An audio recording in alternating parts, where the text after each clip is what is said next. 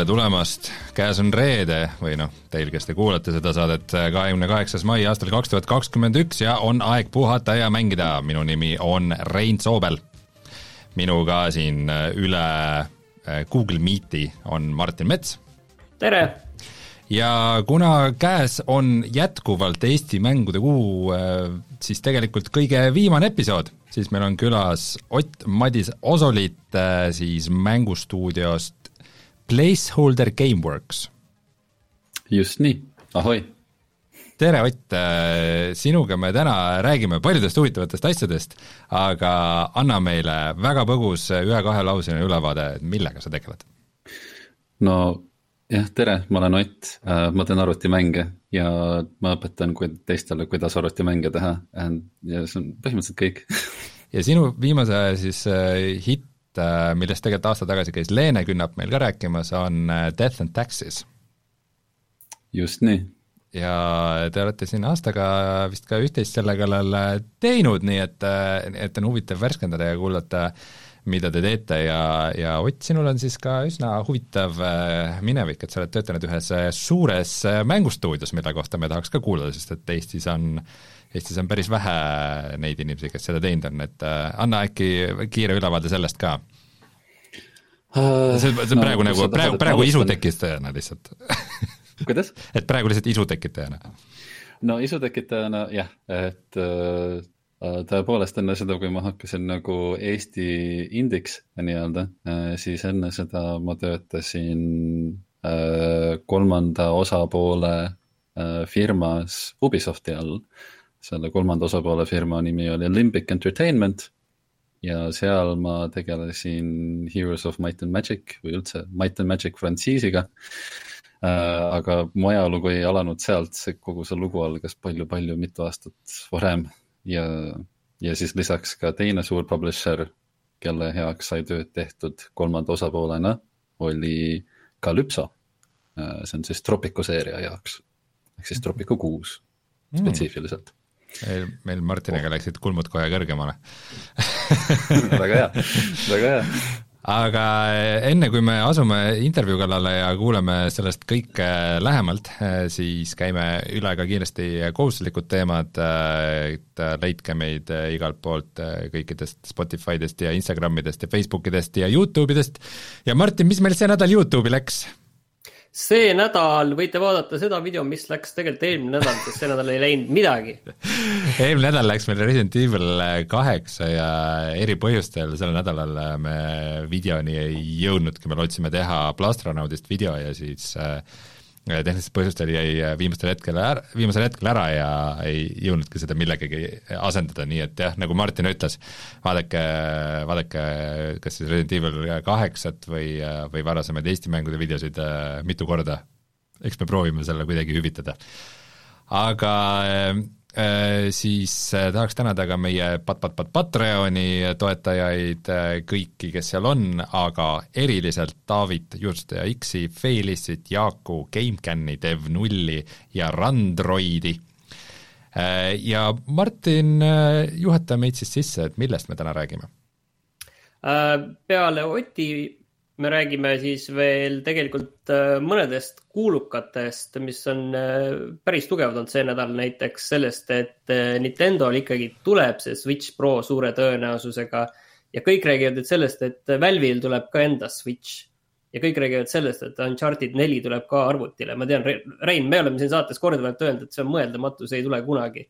aga noh, paistab, et näed, mõeldamatud asjad juhtuvad ja siis me räägime natukene ka veel sellest, et kui mäng tuleb välja katkiselt, siis Eestis on tegelikult eh, vastuvõetamas praegu seaduseelnõu, mis ütleb, et sa peaksid saama raha tagasi, ükskõik millal. mitte niiviisi, et Steam ütleb, et oi, kaks tundi, eh, siis kaks tundi pead olema mänginud ja siis pärast seda enam ei saa, vaid Eesti seadused nüüd ütlevad, nüüd veel ei ütle, Riigikogu pole vastu võtnud, aga tahetakse teha seadus, et sa võid selle ükskõik millal tagasi anda, kui see on katki ja kuidas see huvitav reaalsuses välja näeb, äh, mul on sama palju või sama vähe aimu kui teil, aga sellest me võime rääkida okei okay,, ja mängudest siis äh, täna räägime veel Resident Evil kaheksast äh,, Into the Breach'ist ja äh, Binding of Isaac Rebirthi äh, koostöö osast on mul ka mõned esialgsed muljed, mida jagada.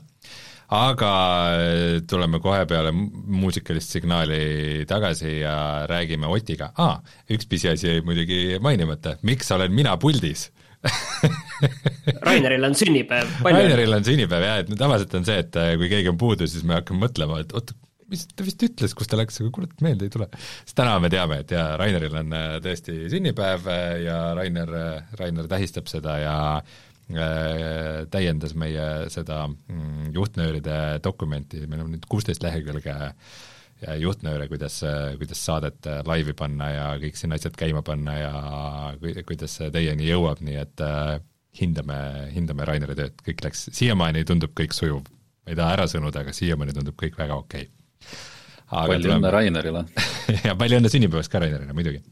ja tuleme kohe tagasi ja ma ei teagi, ega meil intervjuu nuppu ei olegi, eks me siis vajutame mingit nuppu.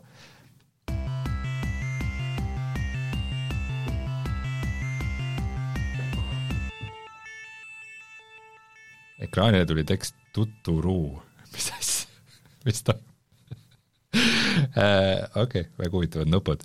nii, aga nüüd on aeg rääkida Otiga ja ma saan aru, et enne, kui, äh, kui sa läksid äh, välismaale mängustuudiotesse tööle, siis selle taga on pikk ja põhjalik ori-, origin story, kus me saame ka teada sinu, sinu mustvalge peapaela background'i, nii et Ott, pihta okei okay, uh ausalt öeldes ma isegi ei tea, kui kaugelt ma peaksin alustama, aga kui me alustame nagu sellest äh, nagu enam-vähem kohast, kust ma tööstusesse sisse libisesin, siis oli siis, kui ma olin kaheteistaastane äh,, nagu liikumas kolmeteistaastase poole, olin tugevas äh, puberteedieas äh,. ei osanud oma äh, koolivälise ajaga midagi suurt peale hakata peale arvutimängude mängimise ja foorumites lugelemise, eks ole see oli, see oli väga vahva. ja mulle meeldis oma parima sõbraga mängida sellist äh, mängude seeriast, seeriat nagu Klonk. see on väga huvitav äh, mängude seeria, see on selline 2D side-scrolling vaates mäng, kus sa kontrollid väikseid tegelasi ja siis need tegelased saavad ehitada asju, visata asju, üksteist ära tappa ja nii edasi Äh, Eestis oli see omal ajal mingisugusel määral populaarne äh, mingisuguse kliki seas. Äh, aga jah, ühesõnaga klonki mänge me siis mängisime ja mida mina siis oma heast peast tegin, oli see, et oh, see oleks täiega lahe, kui klonk oleks eestikeelne, sellepärast et ma vaatasin, et ah, see mäng on nii paljudes keeltes tehtud, eks ole. et, et miks mitte eesti keel ka. siis ma pakkusin välja, et kuulge, et vennad, ma võin teile nagu selle ära tõlkida, sest et nagu mul on aega ja siis ma tegin seda äh,. Äh, suurem osa sellest oli inglise keeles, aga, aga ütleme mingi viisteist, kakskümmend protsenti sellest oli saksa keeles äh,. Õnneks ma oskasin mingisugusel määral mõlemat ja, ja noh, sõnaraamatud olid ka abiks.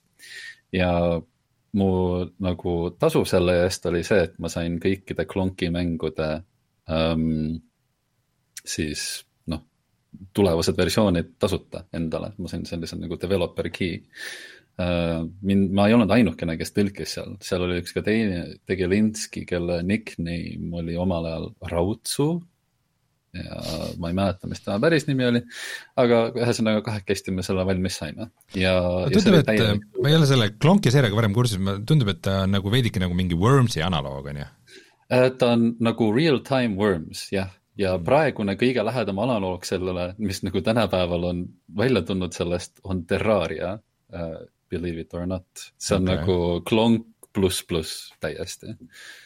et on väga sarnane põhimõte, aga seal Terrarias sa tegeled ainult ühe tegelasega, klonkis oli mitu. nii, ja sealt edasi ma avastasin, et nagu oo, ma saan midagi tagasi, kui ma mänge mitte ainult ei mängi, vaid nagu löön kaasa nagu mingisugusel määral nende loomisesse, eks ole, see oli kõige esimene pisik. sa avastasid nagu kapitalismi. Pavlovi refleks kuidas? sa avastasid kapitalismi? põhimõtteliselt jah, äh, või no ma ei, ma ei tea, kas ma nii inetult ütleksin, aga midagi selle laadset ma leidsin küll. Et ma olin enne nagu tegelenud väga palju juba, juba veel nooremast peast mängude beeta versioonide mängimisega. ja, ja see nagu viib mind mu järgmise sammuni, et äh, ma mängisin põhimõtteliselt kõike, mida ma sain sellepärast kõik, mis nagu dial-up'i pealt alla tuli, ma lihtsalt lõin sellele kohe nagu käed külge, mul ei olnud vahet, äh, mis asi see oli, ma mängisin kõike. väga palju rämpsu oli ka muidugi, shareware ajastu oli siis ja ühesõnaga jaa, võib-olla kontekstiks, ma olen sündinud aastal üheksakümmend üks, see tähendab seda, et ma räägin aastatest kaks tuhat kolm, kaks tuhat kaks, kaks tuhat neli. Äh, nii, siis läks aeg edasi, äh, beeta testisin täiega palju mänge äh, ja siis ma lõpuks avastasin, et nagu oo, Heroes viis, mis oli Heroes of Might and Magic viis siis, eks ole, üks minu lemmikseeria mängudest. nähtavasti Ubisoft ostis selle ära Äh, see on nende litsentsid. Äh, noh, see oli juba tolleks hetkeks, kui see nagu juhtus, oli see veits nagu vana uudis. aga mis oli uuem uudis, on see, et nad päriselt teevad Heroes of Might and Magic viite äh,. algne Heroes of Might and Magic viis scrap iti ära, visati kõrvale, mis nagu, mida siis 3DO omale arendas, eks ole. ja siis Ubisoft lendas sellele peale, võttis litsentsi ära ja otsis äh, third party äh, developer'i ehk siis noh, kolmandat osapoolt, kes seda neile teeks, kellele saaks seda siis nagu välja müüa, selle projekti tegemist. ja siis äh, selle projekti võtsid enda peale venelased ähm,. firma nimi oli Nival Interactive vist, Nival. ühesõnaga, ma ei mäleta, kuidas seda hääldati ja siis ühesõnaga äh, nemad äh, said siis kogu, kogu selle development õiguse enda peale äh, Nad olid varem ka päris huvitavaid mänge teinud tegelikult, mida ma olin ise mänginud ka ja siis äh, sellise uudise peale ma tormasin kohe Ubisofti foorumitesse ja hakkasin endale seal nime tegema, sõna otseses mõttes. ma, ma meemisin, ma trollisin, ma äh, elasin fandomisse sisse ja, ja ma mingisuguseks hetkeks äh, sai minust mingisugune nimi seal, sellepärast et äh, ma teadsin sellest seeriast väga palju. ma oskasin igasugustes balance diskussioonides väga hästi äh, inimestele nagu tuld peale panna äh,. ja, ja noh, ma nagu jäin silma Mm -hmm. nii. korra korra nagu konteksti mõttes, et, et Heroes, Heroes Might and Magic ju seerias noh, ilmselgelt see surematu, kõige surematum kalliskivi kõigi jaoks on Heroes of Might and Magic kolm, aga mina isiklikult äh, tegelikult äh, armastasin äh, just neljandat ja selle lisapakke ka väga. ole nüüd, kuule. neljas on hea. Ei tea, ma vaidlen vastu, ma ei mäleta väga hästi enam põhjuseid, sellepärast et ma ei taha mäletada, aga selle eest minule tegelikult jällegi meeldis viies ja ma olen isegi selle viienda just nagu lisapakke olen tegelikult siin viimastel aastatel mänginud, see on hea, läpaka peal jookseb ja viies on ka suurepärane. viies jäi mingis kuradi kohas jäi pooleli, mingi. ta oli raske, ta oli, see kampaania oli ikka päris raske. ta oli raske, aga, aga mingi üks koht oli, mis oli nagu ikka, üks koht oli seal ikka nagu reaalselt nagu katki nagu ja, nii äh..., nii kat-, nii all, nii, nii sealt läbi saada, et ma nagu lõpuks ei saanudki ja lõin käega. ja see oli, ja see oli mäng, kuhu ma tahtsin sütitada kõik oma mängud, ma arvan äh,, vabandust äh,, kuhu ma tahtsin sütitada kõik oma sõbrad seda mängima, et äh, et ma vist tegin ise oma arvutiga nüüd jah, äh, kõvasti piraatkoopiaid ja jagasin kõikidele oma sõpradele, et see on see mäng, mida me hakkame minu pool koos mängima ja siis lõpuks ma ise tüüdinesin sellest ära ja nagu need sõbrad, kes nagu kaasa läksid, mõtlesin, ei, ma tegelikult enam ei viitsi, davai. aga, see oli väike kõrvalepõige ja, ja kontekst selles osas, et, et, et Heroes Might and Magic'u seeria mängud väga armastatud.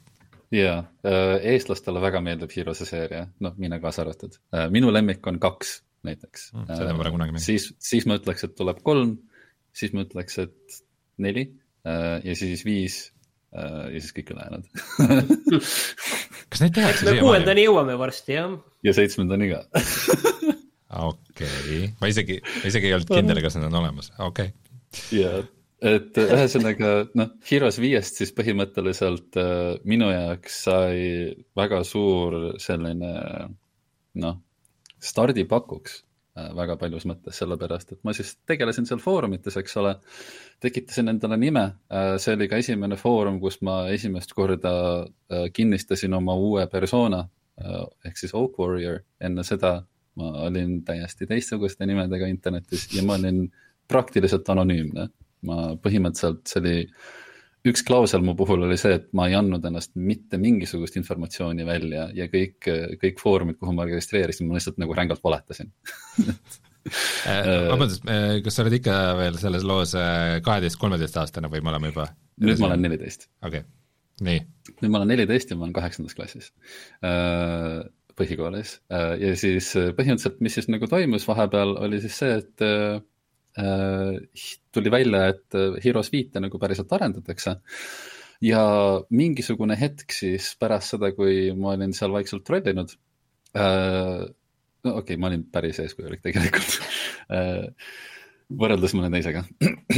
Ja siis äh, tuli välja, et äh, neil on nagu päriselt mäng töös ja neil oleks vaja beeta testijaid. Ja siis ma mõtlesin, et nagu no nii, nüüd minu hetk on tulnud. Ja siis noh tuli mingisugune registratsioonivorm, eks ole, ja siis ma mõtlesin, et okei okay,, davai, ma panen ennast kirja, panin ennast kirja, saatsin teele. äh,. Ei valetanud enda kohta äh,. panin oma päris vanuse äh,, panin oma päris nime, päris emaili ja, ja nii edasi, eks ole, sest et ma väga tahtsin sinna saada. ja siis ma ei saanud sinna äh, ja siis, mis juhtus, oli see, et äh, ma rääkisin, noh, selle mängu produtsent Ubisofti poolt siis, Fabrice Cambone, selline lahe inimene äh,, väga, väga tubli ja töökas inimene äh,. Temaga ma olin ka suhteliselt sina peal, ma rääkisin temaga foorumites otse ja mõnikord nagu DM-ides ja nii edasi. ta teadis, kes ma olen ja nii edasi ja siis ma küsisin talt, saatsin talle privasõnumi, et kuule, et kas sellel on mingi konkreetne põhjus, miks ma nagu sinna beeta testi ei saanud, sellepärast et ma väga tahaks sinna saada. Ja siis ta ütles, et äh, jaa, on küll, sa oled väga alaealine. Et äh, mind ei saa nagu tegelikult juriidiliselt võtta testima mängu, sellepärast et ma ei ole vähemalt kuusteist aastat vana ja, ja nagu the legal team nagu, see oleks väga hea. ja siis mõtlesin, et nagu, aga kas mingisugust workaround'i ei ole nagu, et nagu NDA-d muuta või, või kuidas iganes. ja siis ta ütles, et ta uurib seda ja siis ta leidis mooduse ja siis ta ütles, et jaa, et okei okay,, järgmisesse nagu testimislainesse saad sisse. aga ma pidin ikkagi kaks nädalat ootama, see oli päris tüütu, see oli väga pikk kaks nädalat. Äh, ja siis, mis mulle anti, oli põhimõtteliselt NDA, mis äh, juriidilises mõttes ütles, et ma olen hea poiss ja ma ei lekita asju tegelikult, aga mind ei saa kuidagi juriidiliselt selle eest vastutavana hoida et põhimõtteliselt kui sina oleks seda mängu lekitanud, eh, siis eh, oleks kõik olnud eh, sinu jaoks okei okay.. suure tõenäosusega, jah. no järgmise Mind... Heroes'e kallal, siis sa poleks saanud midagi tööd teha, aga yeah. et see oli täiesti nagu ausõna peal värk ja ma olin sellega nõus, et no saagu, mis saab, ma saan seda mängu mängida. ja seda ma tegin uh,. oi, kuidas ma seda tegin, ma, ma mängisin seda mängu kella viieni hommikul ma sain oma vanematelt pragada selle eest korralikult, et ma, ma konkreetselt nagu teeskasin, et ma lähen magama, ootasin, et vanemad magama jääksid. Läksin tagasi arvuti taha, hakkasin mängima, kuulsin, oh fuck, keegi ärkab üles, onju. panin kõik tuled kustu jälle, arvuti ka kinni, hüppasin voodisse tagasi, it's safe, tagasi, tagasi mängima. ja siis ma magasin niiviisi mingisugune kolm, kaks, kaks-kolm tundi öösel ja siis ma magasin põhimõtteliselt päeva peale järgi selle kuidagi nädalavahetustel magasin suurem osa ajast. ja siis ma grind isin ja grind isin ja grind isin ja ma leidsin sealt kuskil kolmsada kuuskümmend bugi, millest kuskil sada viiskümmend olid unikaalsed, mille üle mul on nagu väga hea meel. Äh, aga ma ei olnud nagu kõige-kõige äh, põhjalikum isegi siis äh, nähtavasti. seal, meil oli selline veits pingeri taga aga mis siis nagu sai, oli sellest, et äh, see testimine läks nii hästi. Äh, ma olin nagu nii tõhus, et äh, kõik need kõige tublimad testijad kutsuti kokku selle produtsendi poolt, keda ma enne mainisin, Fabrice'i poolt ja siis temaga tekitati siis selline privaatne grupp. ja see ei olnud väga saladus enam selleks hetkeks, et selle nagu Heroes viie development'iga on lood nagu kehvasti, et see on ajast maas polish'it ei ole piisavalt, bugina on äh,. ja siis meiega nagu peeti nõu otse äh, niiviisi, et äh, kuidas öelda, et keskenduda täpselt nendele kohtadele, mis oleks mängijate jaoks kõige olulisemad. et nad teaksid, kuhu oma aega panna, et mäng paremaks teha. Nii, ja siis see nagu grupp lihtsalt arenes, siis sellest hetkest saati üks hetk, see oli saladuses, see oli täiesti saladuskatte all, Fabrice oleks selle eest peaaegu kinga saanud, aga siis ta lõpuks nagu oma ülematega sai läbi räägitud, et okei okay,, et this is gonna be official now, et sellest nagu grupist tehti päris äh, Heroes'e fännide vipp-grupp. Ja mitte ainult Heroes'e fännid, aga siis Might and Magic mängud üldiselt kogu selle litsentsi peale. ja siis me olime, ühelt poolt olime nagu marketing tool ja teiselt poolt me olime disaini abi. me olime põhimõtteliselt disainikonsultandid Ubisoftile. ja seda ma olin äh, päris mitu aastat, ehk siis kaks tuhat viis kuni kaks tuhat kolmteist ma olin disainikonsultant ja ma töötasin kõikide mängude peal alates Heroes of Might and Magic viiest, siis Might and Magic'u seerias. On siis Dark, uh, Dark Messiah of Might and Magic uh,, Might and Magic kümme oh,, Heroes of Might and Magic kuus, selle expansion'id uh, ja siis uh, lõpuks jõudis uh, lähedale aasta kaks tuhat kolmteist, ma lõpetasin ülikooli, sain uh,, mul oli muidugi siseinfo, et Heroes of Might and Magic seitset tahetakse teha. Ja ma teadsin neid inimesi, kes, kes seda teevad, see saksa firma Limbic Entertainment, et äh, iga Herosega vahetati stuudiot, kes seda tegi, Heroes viis oli Nival, Heroes kuus oli Black Hole Entertainment ja Heroes seitse oli Limbic Entertainment. ja siis mina läksin Limbicusse tööle päriselt, progejana seekord, mitte disainerina, sest et need oli juba olemas, aga kuna ma lõpetasin arvutisüsteemide eriala TTÜ, siis oli see, et aa ah, okei okay,, äh, sa oskad progeda, davai, tule. Äh, korra küsin seda vahele, et kui, kui sa räägid nagu töötamisest nagu vipp-fännina, siis me räägime ikkagi nagu raha eest töötamisest, on ju? Äh, mitte raha, aga hüvede äh,. point on ka selles, et nagu nad oleks võinud meile raha anda, aga see oleks tekitanud äh, töölepingu, mis on juriidiliselt väga-väga keeruline, eriti kui sa oled suur firma ja sa tegeled ärisaladustega. nii et jah, keegi ei tahtnud seda lõppkokkuvõttes. et äh, kõik olid nõus sellega, et me saame siis lihtsalt hüvesid ja mida hüved tähendas, oli limited merchandise, äh, mis oli nagu cool. aga põhiliselt tähendas see seda, et meid lennutati convention itele ja, ja development stuudiotesse, et noh, jah, inimestele aimu anda, et nagu mis toimub äh, nagu kuhu meie otsused ja meie soovitused jõuavad ja näha seda nagu laivis. ja jah, sellest ajast saati, kui äh, äh, nii-öelda siis see frantsiis sinna veel rohkem raha pumbati, siis ma olen saanud käia näiteks Gamescomil. esimene kord ma käisin Gamescomil kaks tuhat kümme august ja mul on väga, väga loetud arv kordi vahele jäänud sellest ajast saati ja see oli kõik all expenses paid, Ubisoft maksis ja siis me saime lihtsalt reisida selle eest oma ja no muidugi ja siis ka early access kõikidele Herose nagu nendele noh, kogu sellele development protsessile. ja siis lisaks ka me saime Ubisofti enda nagu mänge tasuta, kui me tahtsime väga,. väga-väga huvitav, ma pole kunagi kuulnud sellisest, sellisest süsteemist või nagu rollist. jah, sest seda ei olnudki kunagi olemas, see oli mm. tõenäoliselt esmakordne, kui seda nagu päriselt tegema hakati niiviisi, et sellest mudelist kasvas välja Amplitude Studio see, äh, see open dev poliitika ka. et nemad tegid siis Endless seeria mängud, Endless Legend, Endless Space, äh, nüüd tuleb Mankind, Humankind, ma ei mäleta enam. Äh, ühesõnaga, need kutid on ex-Ubisoft, need põhivennad, nendega koos me tegime Tribes of the East'i Heroes viiele ja Heroes kuute ja nii edasi. ja siis nad splinterisid pärast Heroes kuute ära sinna oma Amplitude stuudiosse ja nad võtsid selle nagu avatud sellise suhtluse äh, dogma ja veel suurendasid seda, nad tegid selle kõigile avatuks. et äh, mitte ainult siis nagu valitud inimestele aga kui sa nüüd sinna limbikusse, siis sa läksid nüüd kohale sinna ikkagi Saksamaale ja siis hakati ikkagi palka ka maksma, ma eeldan. ja, vähe, ma teenisin väga vähe.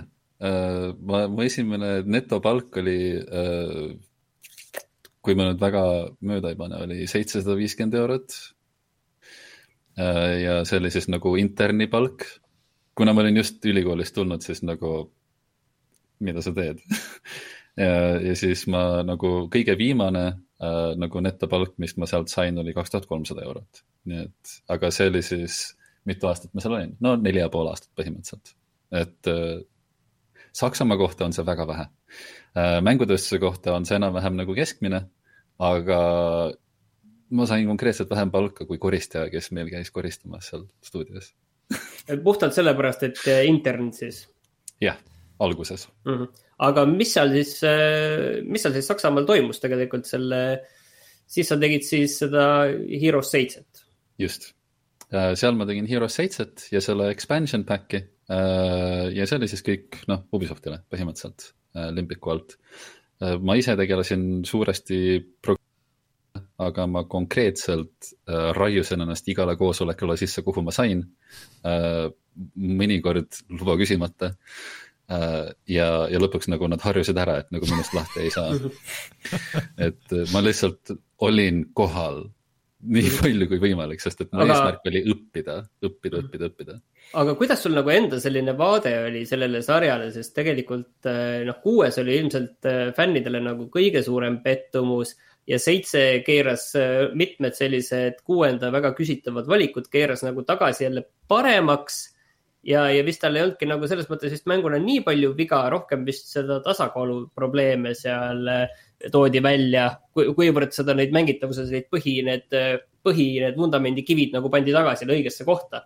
mitte nagu neljal ja kuuel, aga, aga, aga selles mõttes, et, et kuidas sul nagu endale see tundus just, et sa teed mingit asja ja, ja ma ei tea, tundus see endale sulle täpselt see õige, et nüüd saad teha seda, mida, mida sa tahtsid teha või oli selline tunne, et kui sina saaksid otsustada, siis äh,? seal oli paar asja, kus ma nagu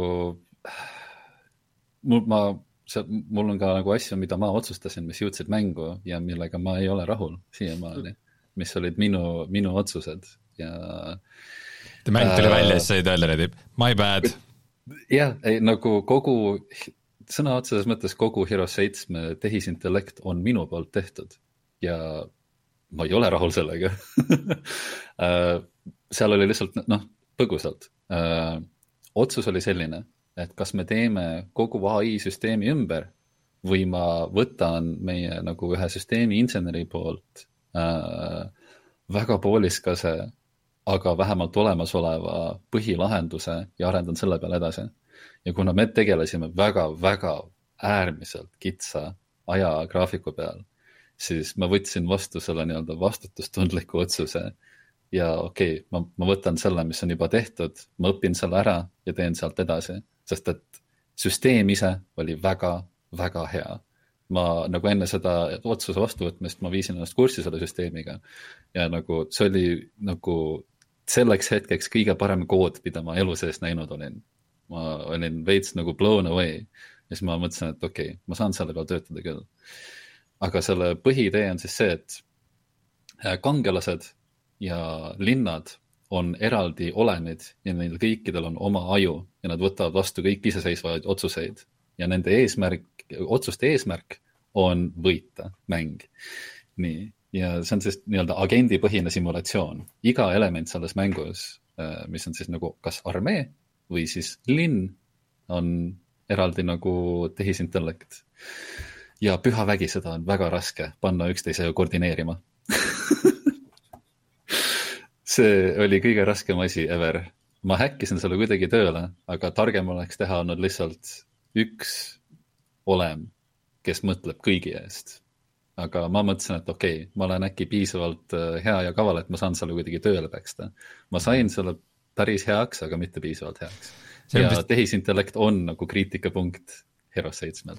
aga, aga üldiselt rääkides, tulles tagasi su küsimuse juurde, jah, mul oli küll selline tunne, et me teeme õiget asja siin et äh, kuigi meil oli nagu väga kahtlaseid feature'e plaanis, äh, siis suurem osa ajast see nagu liikus õiges suunas, lihtsalt teostus ei puudu, sellepärast et ajast ei puudu. ajast ja ressursist jäi puudu lihtsalt. Üks, üks nagu veider detail, mille me kindlasti saame praegu vastuse teada tänu sinule äh,. Heroes kuus ja seitse ei ole homm-mängud nad on mängud. et kui enne oli Heroes of Might and Magic, siis oli järsku Might and Magic Heroes, mis seal mm -hmm. taga on uh,? Ubisoft Ubisoft põhimõtteliselt nägi brändi võimalust seal ja Might and Magic'u bränd on endiselt see on üks väga väärtuslik bränd äh, päriselt, see liigutab rahasid ja see liigutab äh, inimeste nagu lojaalsust äh,. mida, mis nende plaan oli siis, oli see, et äh, nad äh, tahtsid äh, ühtlustada kogu seda universumit ja brändi. Et nende maailm on Ashan, kogu see vana Erathia ja Enroth, need visati kõik tulle, aga et nende maailm on nüüd Ashan ja Ashani maailm on Might and Magic'u maailm ja kõik mängud, mis edaspidi seal toimuvad, on Ashanis, Might and Magic'u brändi all äh, ja, ja nii on. Et äh, ja siis kõik mängud, mis sealt edasi tulid, ükskõik nagu, mis on, kas see on Might and Magic X Legacy äh, või siis on Might and Magic Heroes seitse või siis Might and Magic Chibi mobiilimäng, siis jah, see käib selle ühtse brändi alla et neil on lihtsam müüa neid spin-off mänge põhimõtteliselt ja ütleme nii, et Might and Magic'u spin-off mänge on päris palju tekkinud juba Ubisoftil aga vot neid on tekkinudki, nüüd meil on võib-olla hea võimalus küsida nüüd siseinfot, et siin on tekkinud neid eh, uusversioone, vist kahest tuli vist uus versioon ja siin on tulnud see mobiilimäng, mida mul endal telefonis ka reklaamitakse, pole julgenud katsuda, ei tea. see on jube. ja, ja siis. Kolmest oli uus versioon. kaheksat ei ole tulnud, see on vist põhjus ka, miks sa Eestisse tagasi tulid või? jah, no Eestisse tagasi tulemise jaoks olid tegelikult muud põhjused Äh, mul oli alati plaanis Eestisse tagasi tulla. Äh, ja lihtsalt ma tahtsin oma elu Eestis alustada põhimõtteliselt, aga miks Heroes kaheksat ei ole, on äh, sellepärast, kuidas Heroes seitsmega läks. Et siseinfoga nii palju, et see ei olnud nagu otseselt Ubisofti Black, et Heroes seitsmega nii läks väga palju oli ikkagi Limbic Entertainment tõstis endas kinni. ja noh, mis management'i oli siis päris korralikult, et äh, selle vastu nagu väga ei saa äh,. Kui, kui, kui selline asi toimub, et äh, selle mäng lihtsalt ei müünud piisavalt, ei saanud seda tagasisidet, mida oodati ja siis kõik Might and Magic'u äh, suurproduktsioonid löödi kinni, sealhulgas ka üks Might and Magic'u seeria spin-off järg, kind of. ma ei hakka siin midagi lekitama, aga, aga mulle väga meeldis see mäng ja sellest taheti järg, järg teha, aga see tõmmati ka lohku. Aga mis sa arvad, et kas kunagi tuleb nüüd see kaheksa ikka või? ma saan aru, et enamusel ilmselt seda siseinfot ei ole, aga, aga, aga mis sulle tundub? Või kas üldse peaks tegema, võib-olla mingid asjad peaksid jääma sinna ja ja mängime uuesti edasi neid äh, kolm punkt viite ja, ja mis on see fännide projektid ja mängime neid ja, ja eks need on ju sama head edasi et.... ausalt öeldes peaks küll, äh, lihtsalt sellepärast, et selles žanris on nii palju innovaat-, nagu nii palju ruumi veel, kus saab innovatiivseid ideid ellu viia, see žanr on väga noor arvestades seda, et see on tegelikult nelikümmend aastat vana žanr põhimõtteliselt, on see ikkagi väga noor lihtsalt sellepärast, et ta ei ole küpseda saanud, sellepärast et äh, noh, keegi ei tee väga selliseid mänge. Aga, aga, aga see žanr on samas nagu väga populaarne, see on omaette žanr päriselt. ta on nagu turn, noh, äh, käigupõhine strateegia, eks ole, aga ta on täiesti omaette nagu olem mängutööstuses ja võiks teha ausalt, ja millal seda tehakse? No Ubisofti puhul on tavaliselt nii, et kui su frantsiis läheb põhja, siis sa kuskil seitse-kaheksa aastat seda frantsiisi ei näe ja siis sa võid tagasi roomata nagu executive'ide juurde ja pakkuda välja projekte. Äh, chat küsib, et mida sa arvad King's Bounty seeriast, et äh, kas äkki King's Bounty ongi selline nagu Heroes Might and Magic'u valemi niisugune nagu edasiarendus või mis sellest no ta on tagasiarendus Tagasi., sellepärast et äh, King's Bounty tuli enne, esimene King's Bounty tuli enne Hero'st ja King's Bounty, see 3D King's Bounty tuli esimese King's Bounty nagu äh, nii-öelda spirituaalse järglasena välja. ja mina arvan, et see on suurepärane mänguseeria King's Bounty on väga-väga hea mäng äh,. noh, ta ei ole Heroes otseselt aga ta on samast žanrist, nii-öelda siis adventure strategy, seiklusstrateegia, midagi sellist. ja, ja see on hea mäng. see on, need on head mängud. aga hüppame nüüd korra edasi, et kas see Tropico kuus on ka hea mäng või äh, hüppasin praegu juba valesse kohta uh,? õigesse kohta hüppasid, ma arvan, et Tropico kuue peal ma töötasin põhiliselt pre-production'i ja prototüüpimise peal, minu koodist jäi sinna väga-väga-väga vähe järel. Uh,. ainsad asjad, mis nagu minust maha jäid, olid minu otsused, mis ma vastu võtsin, kuna mulle anti suhteliselt juhtiv positsioon seal. Ja siis mingisugune legacy kood sellest võib-olla, kuidas need tegelased ekraani peal ringi liiguvad. Aga Tropico kuus tuli väga hästi välja ja ausalt öeldes mul oli väga hea meel, et ma olin seal nii kaua, kui ma olin. Äh, et mul oli see võimalus seda arendada natukene aega. Äh, aga noh, minu jaoks, miks ma sealt stuudiost ära tulin, oli see, et noh, esiteks ma tahtsin vaikselt hakata Eestisse tagasi minema ja teiseks ma ei suutnud enam seal töötada, sellepärast et see mismanagement kasvas täiesti üle pea. Äh, ma ei tahtnud seal, ma ei tahtnud seda enam teha. Et aga, aga mäng ise kukkus väga hästi välja ja me oleme kõik nagu väga uhked selle üle. aga seda tegi on ju, äh, sama stuudio tegi seda? Limbic mm -hmm. tegi seda ka, see oli siis nagu nende päästerõngas pärast seda, kui nad kaotasid Ubisofti, et aa, sorry, me ei tee enam teiega asju väga et siis Calypso tuli Äh, nendega sai läbi räägitud ja siis tuli välja, et aa okei okay,, noh, klapib, davai, teeme Mm -hmm. aga proovi mulle korra see Tropico kuus maha müüa, sest mina olen mänginud äh, kahte, kolme, nelja ja siis, kui ma olen vaadanud seda viite ja kuute, siis mulle tundub nagu selline pealevaates äh, pealiskaudse inimesena, nagu ma olen, vaatan, et noh, tundub nagu sama. et ütle no,, mis ei ole sama uh,. Tropico kuus on jällegi agendipõhine simulatsioon Äh, ehk siis rohkem nagu Tropico neli ja vähem siis, äh, kuidas öelda äh,, süsteemi simulatsioon äh,. Tropico viis on siis rohkem süsteemipõhine simulatsioon ja Tropico kuus võtab nagu rohkem isikliku lähenemise sulle, et sa saad nagu veits rohkem rolli mängida, mis ongi kogu selle seeria mõte, sa oled nagu banaanivabariigi diktaator, eks ole, see on su roll mängi seda. Et Tropico viis selle jaoks nagu tohutult palju ruumi ei jätnud. Tropico neli lihtsalt andis sulle väga palju kontrolli väga paljude erinevate nagu süsteemi osade üle.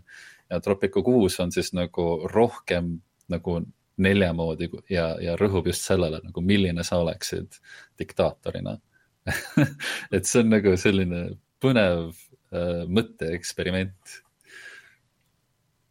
väga hea mille juurde me nüüd jõuame, et äh, sa enne saadet korra ütlesid, et, et sa Disco Elysiumi juures äh, tegid ka tööd, kas midagi jäi sinna vahele või hüppame kohe selle juurde, millega, millega Placeholder on tegelenud pärast seda, kui see Death and Taxis alguses välja tuli?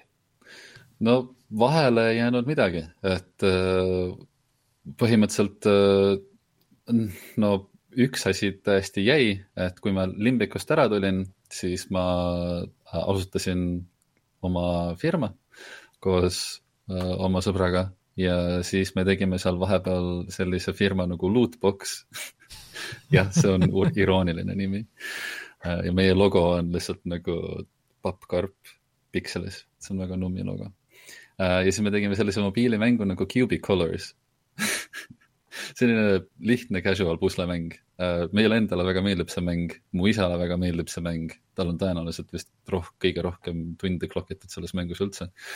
Äh, ja see oli nii-öelda selline eetiline mobiilimäng, seal ei olnud microtransaction'e, seal olid ainult reklaamid. me ei ole teeninud selle mänguga põhimõtteliselt mitte midagi. aga see ei olnud ka asja mõte, see oli mõte, et näha, kas me töötame koos. ja siis me proovisime ka Limbiku endiste töökaaslastega äh, ka teha koos sellest suuremat mängu. Selline first person hack and slash mäng, mis oleks olnud nagu Doom ja Diablo kokku pandud, selline action'i ja, ja loot'ine. Äh, aga see varises kahjuks kokku. Äh, seda me lõpuni ei teinud, sellega me edasi ei läinud, ma vahepeal tulin siis Eestisse, siis mu enda elu lagunes täiesti koost ja siis ma läksin disko peale Äh, ma ikkagi pean natukene vanu haavu lahti kiskuma. Kas sa, sa saad nagu väga lühidalt kirjeldada, et kui ühes Saksa stuudios on nagu äh, täielik mismanagement, siis milles see ilmneb äh,? ressursside ebaotstarbekas kasutamine. et äh, no mida ma saan nagu, mis tõenäoliselt ei too mulle nagu mingit shitstormi peale, on see, et põhimõtteliselt äh, äh, päris arvestatav osa sellest rahast, mis oli mõeldud Heroes seitsme arendamiseks, pandi uh, in-house projekti arendamiseks mm.. noh, see kõlab küll hästi, jah. kanditi rahu, rahasid kõrvale. kui sa võtad nagu kolmandiku mängu eelarvest ära, siis sa ei saa saja, sada protsenti sellest mängust, mida sa mm. lubasid kellelegi see on lihtne matemaatika okay. ja umbes sellisel tasemel, mis management seal oligi, et. Äh, no võib, võib arvata, miks siis Ubisoft ka ei tahtnud endaga pärast enam äh, koostööd teha, eks. Kui see välja tuli, siis jah, äh, nad, nad ei olnud väga suur fänn sellega ja isegi neil oli nagu lisaprojekt koos Ubisoftiga ja nad lõikasid selle ka küljest ära. et see, sellest projektist tuli, kasvas välja selline mäng nagu Memories of Mars vist, mis on selline hästi shitty open world survival crafting mäng, millest keegi võib-olla kuulnud ei ole, aga see on absoluutselt halb on, mul on piinlik veits öelda seda, ma ei taha nagu oma vanu töökaaslaseid solvata, aga nad kõik teavad seda. see ei ole väga hea mäng. et, et üks mingi niisugune obskuurne detail veel siia asja lisada, sest et mulle meeldib selle tänases saates, et me ma ei ole liiga, liiga jäigalt ree peal, äh, on see, et vaatasin praegu, et Heroes kuute tegi Black Hole Entertainment, äh, kellega mul on nagu huvitav side, et mulle väga meeldis kunagi, või ma vähemalt tahtsin, et mulle hullult meeldiks nende kunagine mäng Armies of Exigo. Armies oli... of Exigo on nii hea mäng ja, ja see nägi nii ilus ma, välja. ma, ma löön kohe su täiesti pahviks Heroes kuus jookseb Armis of Exigo mootori peal. ma ei imesta, sest et mulle natuke tundus, et Armis of Exigo omal ajal oligi niisugune mootori demo. Äh, ja, ja lisaks sellele oli sellel äh, üks maailma kõige ägedamaid algustreilereid, ma arvan, ma olen seda mingi sada korda vaadanud, see oli tõesti kihvt treiler, minge otsige see Youtube'ist üles, ma arvan muidugi mingi noh, nagu nende treilerite ikka on, et siis seda oli ju mingi Blur stuudio või mingi niisugune yeah. outsource itud stuudio teinud, aga see oli ikkagi nii äge nii, aga tagasi äh, sinu mängukarjääri juurde, et äh, kas siis tuligi äh, Death and Taxes ja, ja Placeholder Gameworks? jah, no me oleme nüüd ringiga tagasi, et Death and Taxes tuli välja eelmine aasta läinud on väga hästi lisaks me lasime välja ka tasuta content pack'i DLC-na või no see ei olnud nagu otseselt DLC, see oli lihtsalt nagu massive game update, mis kõikidele läks tasuta peale uh, see oli siis Halloween update ja see tuli välja eelmine oktoober, oktoober kolmkümmend üks, millal siis Halloween on uh,. või no tegelikult vist natukene varem siiski, kaks päeva varem uh,. lihtsalt, et me saaksime natukene haipi tekitada. ja, ja see on väga kasulik. ja see tõi veel uue hingamise mängule, et mis Death and Taxesist on saanud, on see, et meil on sellest äärmiselt palju fänniloomingut meil on äh, tehtud sellest muusikavideo ühe nerdcore räppari poolt äh, nimega The Stupendium ja pealkiri on Rest Employed, see on täiega slapib see lugu. meil on väga palju fännikunsti tehtud, meil, sellest on fanfic'i kirjutatud. sellel, ma ei tea, mitu mitukümmend miljonit meil Youtube'i vaatamisi on juba kõikidel videotel, mis seal mängus tehtud on. ühesõnaga, sellel on läinud hästi. ja lisaks nüüd hiljuti me vist läksime nüüd sajast tuhandest koopiast ka üle kõikide platvormide peale. tahtsin nüüd küsida kohe, et. jep, et kui meie esialgne nagu see mõte oli see, et aa, kui kümme tuhat koopiat saaks esimese aastaga, siis oleks päris timm, on ju, et siis me saaksime ennast vist kuidagi ära toita ja värki. et siis nüüd on meil äh, vähem kui pooleteise aastaga sada tuhat koopiat tulnud, mis on äge aga mis saab edasi? mis saab edasi? kas te nüüd äh, saate lihtsalt kümme aastat saate süüa ja sellega on korras ja kümme aastat pole vaja midagi teha? no mingi viis aastat saame süüa, kui me nagu vähe sööme aga, aga selle, ütleme nii, et selle, selle peal istumine ei ole eesmärk, eesmärk on ikkagi nagu uusi ägedaid, lahedaid lugusid teha. et äh, mida me nüüd olemegi hiljuti teinud äh,, nii minu kui ka Leene nagu äh, noh, Heroes of Might and Magic on ka meil nagu südames väga sügaval, eks ole, eestlastena äh,. või ütleme siis idaeurooplastena äh,, siis mul tuli mingisugune aeg tagasi, äh, hulk aega tagasi, tuli mõte, et teeks mingisuguse ka adventure strategy spin-off mängu, mis oleks siis Herosest inspireeritud. mis selle nagu mõtte-eelis on, on see, et ma olen suurema osa Herose mängust ise pidanud valmis koodima palju suuremal skaalal äh, kui nagu seda indie skaalal teha, eks ole. Äh, ja meil on olemas kunstnikud, keda me saaksime kasutada, meil on olemas helilooja, meil on olemas kirjanikud, keda me saame kasutada, meil on tiim olemas, et nagu midagi sellist teha väikses skaalas. ja siis me otsustasime, et no eks me proovimegi siis äkki seda teha. et äh, vaatame, mis sellest saab, et me teeme äh, mingisuguse Heroes of Magic'u äh, spirituaalse järglase samamoodi nagu. see on nüüd küll väga äge, väga äge uudis nüüd tegelikult. Äh, nagu... esmakordselt selline asi nüüd öeldi välja, jah jah, see. eksklusiivselt te kuulutasite välja, et te teete nagu mingit Heroes of Might and Magic'u äh, spin-off'i jah, põhimõtteliselt, see on mingisugusel määral nagu official announcement mingisugusel määral me ei tea, mis asi official tähendabki enam. me oleme väga avatud lihtsalt oma nagu kommunikatsioonis kõigile ja äärmiselt ebaprofessionaalsed sellega, nii et. Okay. seda ma olen näinud, ma olen näinud, et internetis on isegi näha olnud teie tulu jagamise tabel, aga see yeah. selleks igaüks, igaüks saab selle lahti võtta mõlemad yeah aga mina, mina väga, väga tervitan seda väga avatud äh, lähenemist, et äh, saab nii ka. aga mis teil, mis teil see ajaraam nüüd on selle uue mänguga, et ma saan aru, et te tegelikult olete täiesti alguses, on ju, et äh, või suhteliselt yeah. alguses, aga mis teil nagu, mis teie ootused, lootused on? no ootused, lootused on alati olnud seda, et kui me alustame mingit uut mängu, et siis see võiks kuskil pooleteise aastaga valmis saada. sellise projektiga, mis on nagu süsteemi poolest komplekssem, võib minna kauem, aga mul on ka nagu uus selline nõudmine, et kui ma teen uut projekti, siis ma jumala eest ei taha olla enam ainus progeja, sellepärast et kui, kui ma olin ainus progeja Death and Taxes'il ja mul oli selline tunne, et nagu mu aju lihtsalt nagu see, see hall ollus lihtsalt tuleb mul nina kaudu välja järjest ja, ja see on nagu, see oli suhteliselt stressirohke.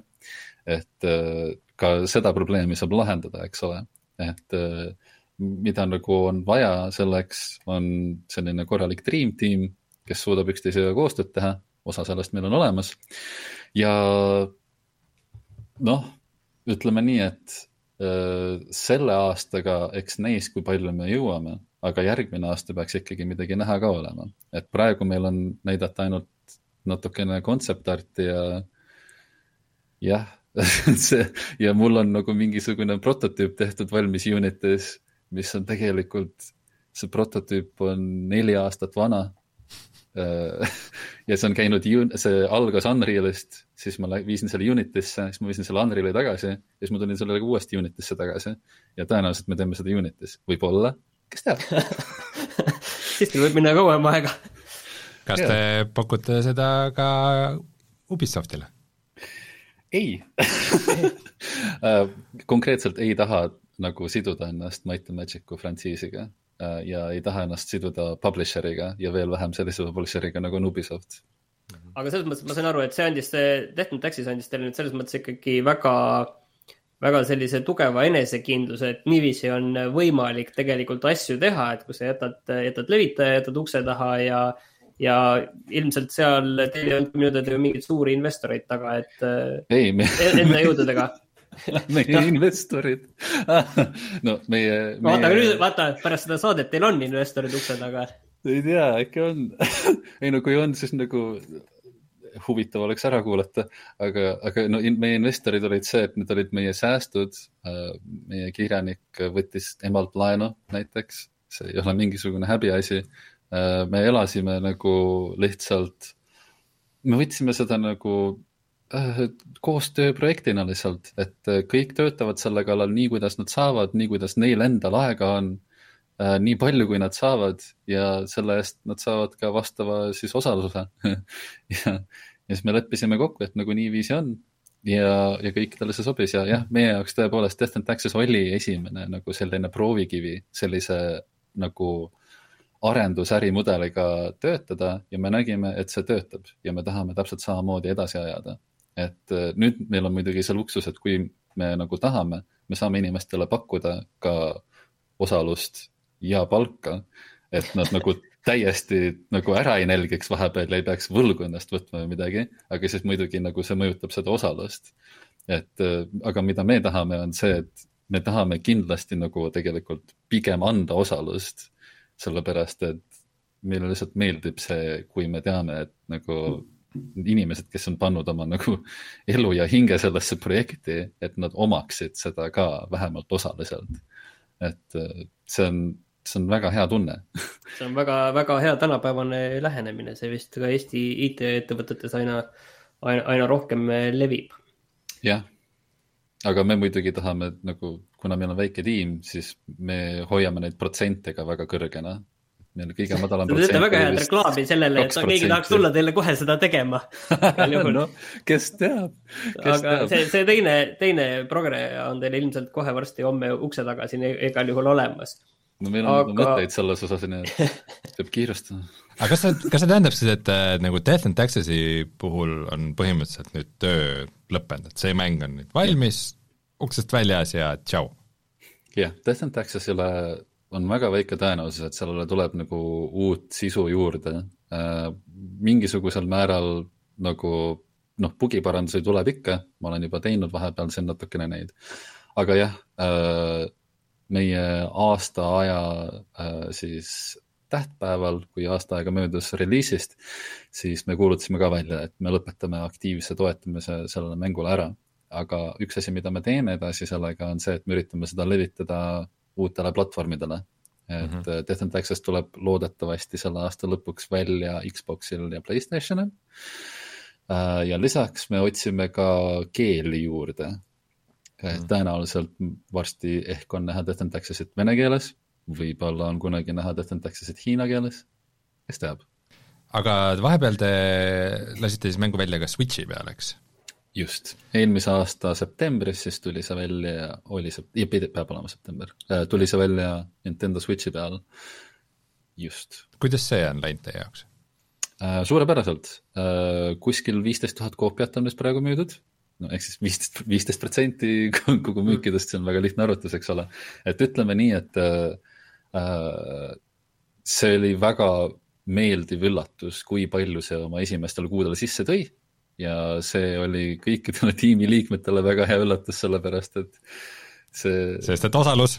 sest et osalus täpselt, et äh, jah äh,, väga rahul, et sai see otsus vastu võetud ja. aga kas see oli ka keeruline üllatav. tegelikult, kas see oli ka keeruline, et seda sinna saada? ei olnud äh,, meil on väga hea partner äh, Pineapple Works äh,, Poolast pärit äh, selline tüübid teevad asju firma ja nad tegid meile selle asja valmis, et neil oli Nintendo DevKit. Äh, me saime ühelt tuttavalt äh, nagu soovituse, et nagu, aa jaa, need tüübid, need on ausad vennad, on ju, et nendega võib teha asju küll.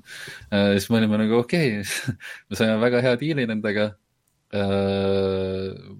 magusama diili kui muidu, nagu protsentide mõttes, avalikult ei saa seda välja öelda ja noh, me oleme väga rahul äh, selle otsusega, et äh, see ei olnud raske, äh, sellepärast et nemad aitasid meid, neil oli kogu know-how olemas, kuidas portida seda ja ainus asi, mida tegelikult päriselt välja pidi mõtlema, on see, et nagu kuidas see control scheme nagu ümber tõlgendada.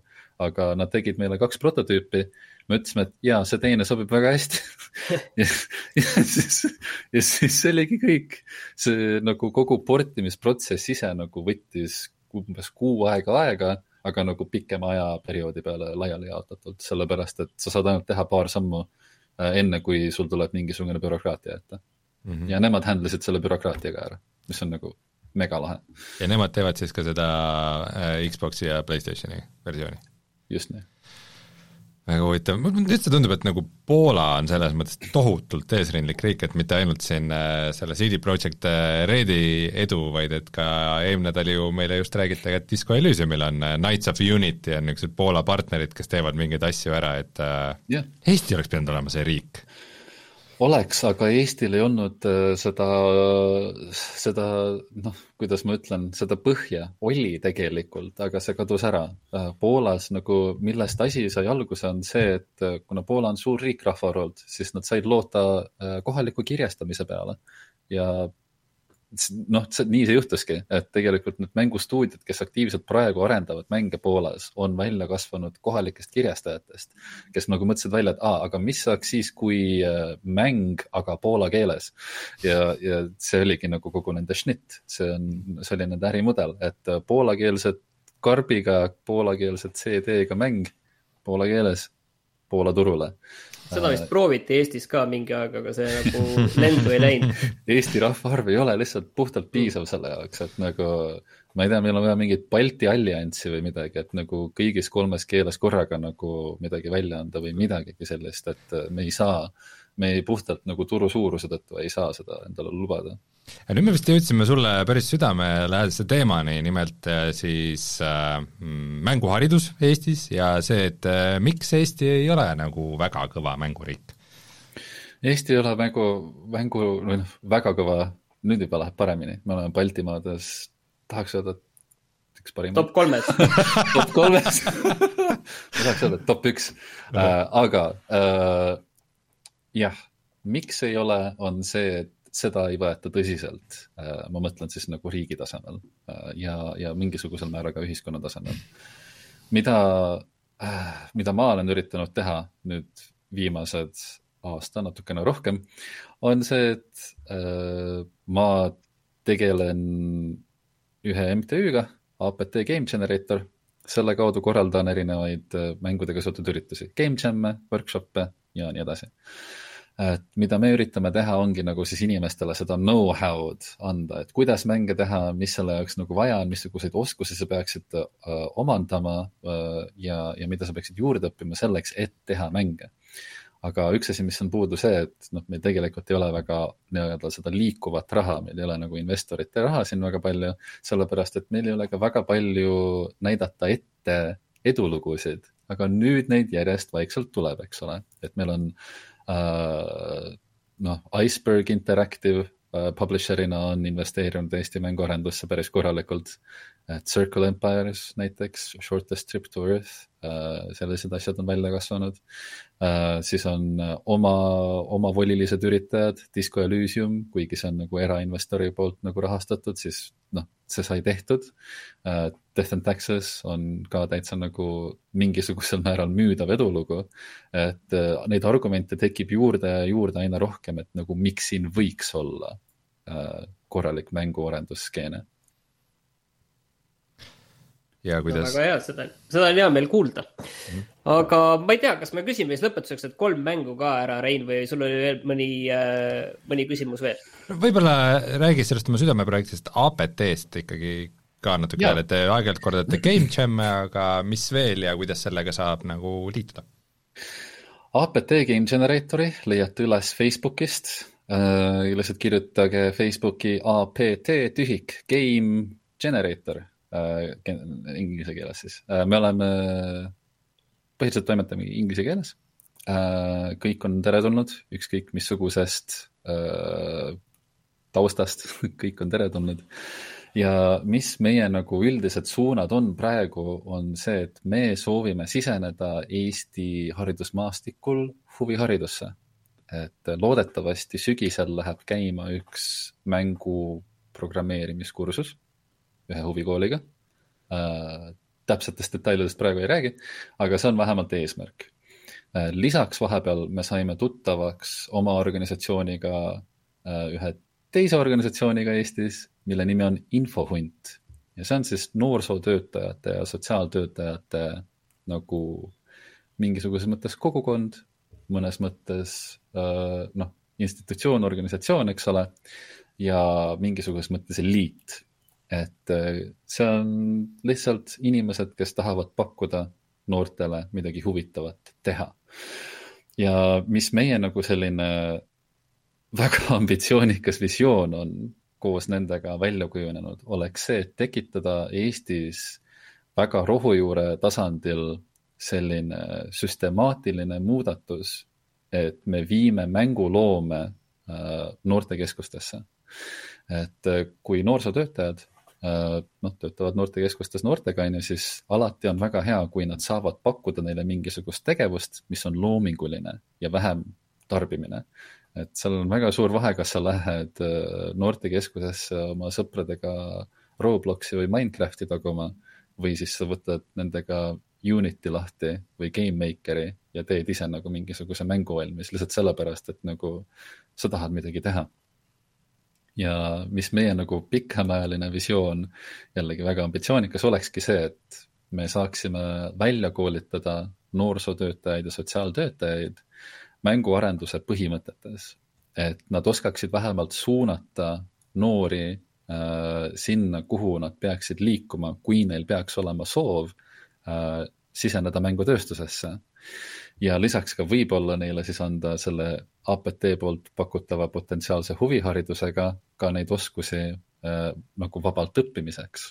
et äh, kui sind ei võeta ülevalt poolt tõsiselt, siis tuleb siseneda altpoolt. oi, see kõlas väga imelikult, aga saate aru küll yeah. ühesõnaga, kui ei saa uksest, siis saab aknast mm. -hmm. et äh, me, see on nagu meie jaoks selline suur heureka moment, et nagu, et okei okay,, vahet pole, et nagu riik ei investeeri ja kulka raha ei anna ja EAS ka nagu raha ei anna, et nagu no mis meil muud üle jääb, otsime inimesed nagu konkreetselt tänava pealt üles Äh, ja, ja lähme nendega ja teeme midagi. Ja kasutame selle jaoks ikkagi riigi raha no siin on üks asi muidugi, et huviharidusest muidugi võeti nüüd äh, või plaanitakse võtta nüüd muidugi pool raha ära, et aga noh, saab näha, mis ja. sellest saab, seal võib-olla see ei lähe läbi või siis äh, kohalikud omavalitsused maksavad selle kinni. jah, no täpselt, et siin nagu tulebki kätt, kätt pulsil hoida, et ka noh, neid erinevaid projekte, mis tegelikult kuhu Eesti võiks mahtuda just nagu noorsootööga ja noorsootöötajate koolitamisega äh, ja noorte kaasamisega, neid on päris palju tegelikult. et äh, kuna Eesti on äh, noh, Euroopa Liidus, siis sellega kaasnevad ka teatud sellised hüved, et sotsiaalarendusprojektid, mis sealtpoolt tulevad, mis on mingisugused noh, väga ropp rikaste riikide poolt rahastatud mingi Liechtenstein ja, ja Norra ja nii edasi, eks ole, kes tehniliselt ei ole isegi vist Euroopa Liidus, eks ole, aga nad annavad raha ikkagi nagu selle jaoks, et äh, see on, see on kõikide huvides ja meie nagu huvi oleks siis jällegi Eesti noorte huvides seda ära kasutada. et äh, kui me vähegi nagu isegi saame sellega hakkama, et me saame noortele selgeks teha, et kuule, kas sa oled kunagi mõelnud nagu mängu tegemise peale karjäärina et kui me saame sellegi mõtte nagu edasi viia kellelegi, siis see on juba suurepärane, see on, see on juba pool võitu. Ma arvan, et äh, kui väga paljud inimesed kuulavad seda saadet, siis nad juba saavad juba maitse suhu, et äh, kuidas tuleb nagu pihta hakata ja kuhu see võib välja viia.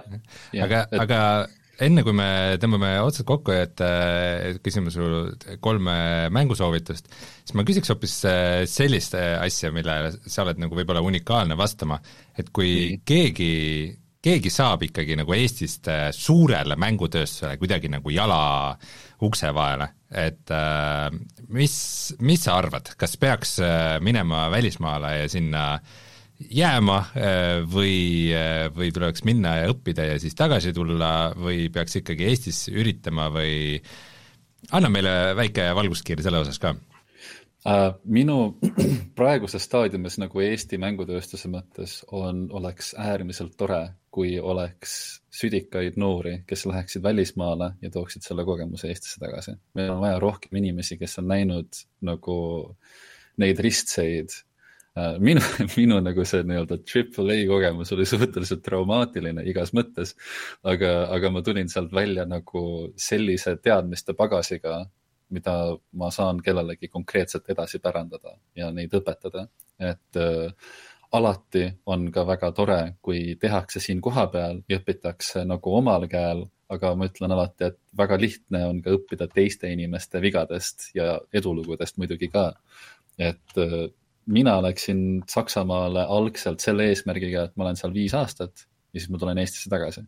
noh, ma olin neli ja pool, et äh, it's, it's something uh, ja, ja minu jaoks see nagu töötas, et ma sain kohe seda Eestis rakendama hakata uh,. ja, ja ma jätkan seda nii palju, kui ma oskan, et uh, APT-ga ma olen ka tegelikult alles kahe tuhande üheksateistkümnendast aastast seotud, et ma olen seal olnud napilt alla kahe aasta. ja ma kavatsen seal veel olla, kuni mul veel jaksu on sellega tegeleda, et äh, see kogu see noorsootöö ja selle värgi nagu ajaraamistik ei ole ka nagu mingi üks aasta või kaks, me räägime viiest, kuuest, seitsmest aastast praegu, et sellist asja nagu käima tõmmata ja et see käima jääks. et need on kõik nagu süstemaatiline muudatus ja selle süstemaatilise muudatuse jaoks oleks vaja kindlasti, et meil oleks võimalikult palju neid inimesi, kes juba teavad, mida teha on vaja ja saaksid seda teistele edasi õpetada okei okay,, aga aitäh sulle selle siseinfo jagamise eest, aga nüüd sinu kolm mängu äh, eriti hea maitsega soovitatavad meie kuulajatele-vaatajatele äh,. esimene mäng äh,, iseasi, kas te selle käima saate, on äh, Clonk Endeavor või siis Clonk Rage äh,. Need on siis nagu Clonki seeria mängude kaks kõige viimast äh, siis äh, väljalaset, ma kirjutan chati ka. kuidas on võimalik, et, et viima, viimane väljalase ei lähe tänapäeval tööle, mis, mis aastast see siis on?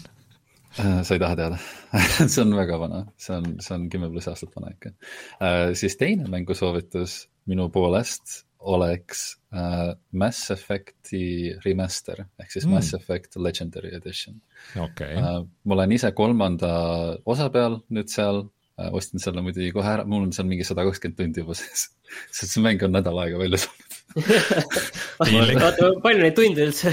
väga piinlik. ma olen okay., ma olen striiminud seda mingi sada tundi umbes oma, oma Twitch'is see on päris karm. Äh, aga mida ma saan öelda selle kohta, et see on väga hea mäng, see on hea RPG ja osa mängutööstuse äh, ajaloost, seda peaksid kõik tegelikult läbi mängima. Okay.. ja nüüd on selleks nagu ideaalne aeg. Kas see on ka hea remaster? Äh,? äärmiselt hea remaster on, et Mass Effect üks on tõesti nagu ääretult ilus ja nad on päris palju nagu tüütusi seal ära parandanud, et Mass Effect üks, selle kvaliteet tõusis nagu räigelt. Uh,. Mass Effect kahe puhul mm, so-so, see on ikkagi väga hea mäng, seal on väga vähe, mida saaks paremaks teha kuigi bugid oleks võinud ära parandada. ja Mass Effect kolme kohta on see, et väga ausalt öeldes ei ole väga palju erinevust näha, et äh, noh, see oli omal ajal ikkagi juba Unreal Engine kolme nagu tipptase, mida nagu tol hetkel sai teha ja, ja see oli väga customized nagu see mootor. ja noh, ütleme nii, et neil on nüüd ilusad 4K, 8K tekstuurid et, et see on lihtsalt törts ilusam mm -hmm. ja natuke vähem bugine Mass Effect ühel, kas äh, originaal makakontrollid või uued äh,? originaal, alati originaal mulle meeldib rakettidega telliskivi. okei okay., nii ja kolmas nii. mäng? ja kolmas mäng äh,, ma nagu mõtlesin, et ma jätan selle kolmanda soovituse kõige viimase hetke peale, aga nüüd ma nagu ei taha, ei taha nagu isegi seda kuidas öelda, ma ei taha seda varianti öelda, mida ma enne mõtlesin, et ma ütlen, aga äh, selline mäng nagu Signs of the Sojourner äh,, ma kirjutan selle ka. Signs of the mis asi? Sojourner. Signs of, of the Sojourner, okei okay,, täitsin. see Mina on äh, seikluskaardimäng äh,, kus sa vestled teiste tegelastega seal maailmas äh, siis põhimõtteliselt nagu, nagu trading card mängus. Hmm.. mitte päris nagu Slay the Spire, aga see on nagu passiants, noh nagu solitaari mängiksid, aga see on vestlus. ja ütleme nii, et see on väga hea narratiivse mehaanikaga mäng, mulle see väga meeldib, mulle jättis see väga sügava mulje, ma olen neid lõputult Twitteris ja igal pool Discordides inimestele soovitanud, et äh, see on lihtsalt äge, nummi äh, ja kaasahaarav mäng. et äh, see, sealt ei tasu oodata nagu midagi suurt ega ma ei tea äh,, mind-blowing nagu kogemust või midagi sellist, aga see on minu meelest lihtsalt hästi tehtud mäng, hästi disainitud. okei okay sellised kolm mängu siis äh, Ott Madise Osolitilt, äh, kes jagas meiega oma väga huvitavat teekonda mänguarenduse poole ja me siis äh, jääme äärmiselt suure huviga ja su-, väga suure tähelepanuelikkusega jälgima uudiseid neid meie saates eksklusiivselt välja kuulutatud Heroes of Might and Magic'u spin-off mängu kohta ma pean selle häälitsuse vaata siia kõrvale tegema, see E3-e see world premiere yeah. World premiere oh,. vot sa oskad teha, ma ei oska seda.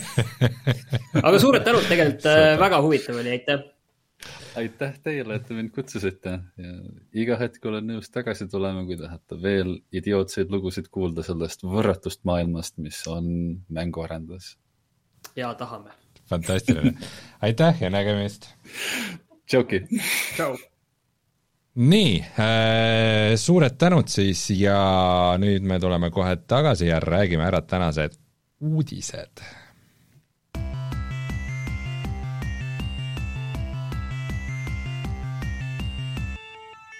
uudised. täna siis me mängis-, rääkisime Eesti ühest äh, Nintendo Switchi mängust äh,, mida nüüd on juba vist isegi mitu, kas nüüd siis on kolm Eesti mängu Nintendo Switchi peal. aga äh, see asi, mida nüüd äh, Rainer on meil tiisinud, ma ei tea, juba mitu aastat saates, äh, sai lõpuks mingi enam-vähem poolametliku lekkekinnituse, et sellel sügisel tuleb siis väga suure tõenäosusega Nintendo Switch Pro tegelikult ma ei tea isegi minu meelest, kas selle nimi tegelikult on Pro, vaid see on selline Switch upgrade äh, versioon, et, et mis selle täpne nimi on, see on ka teadmata. aga siin äh, päris selline tundub üsna kindel, no ma ei teagi, mis sõna siin peaks kasutama kõige selle Bloombergi artikli võtmes on see, et, äh, et see kuulutatakse välja juba enne E3-e aga millal täpselt, see ei ole veel siis teada, sest üks Nintendo Direct tuleb enne seda E3-e, et ilmselt seal see kuulutatakse välja ja võimalik, et siis koos sellega tuleb siis ka see Breath of the Wild kaks ja Metroid Prime neli.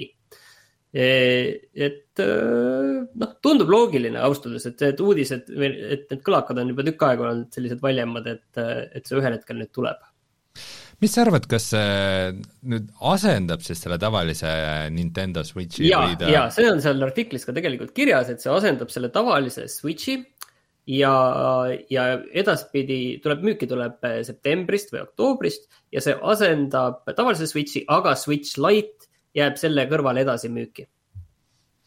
okei okay., kas sa plaanid selle endale soetada? Ilmselt mitte, mul on see Switch Lite olemas ja sellest esialgu piisab. ma, ma arvan, et need Switch'i mängud ikkagi kõik, mis on nagu väljas ja mis tulevad ka nii-öelda sellele pro versioonid, millest on siis nii-öelda mingid upgrade itud versioonid sellest, nendest mängudest, et nendest tulevad ka need lahjemad versioonid, et otseselt mina ilmselt ei pea ostma. Rainer kindlasti peab. mul on hoopis teine küsimus, et, et kas sa Valve'i Switch'i ostaksid?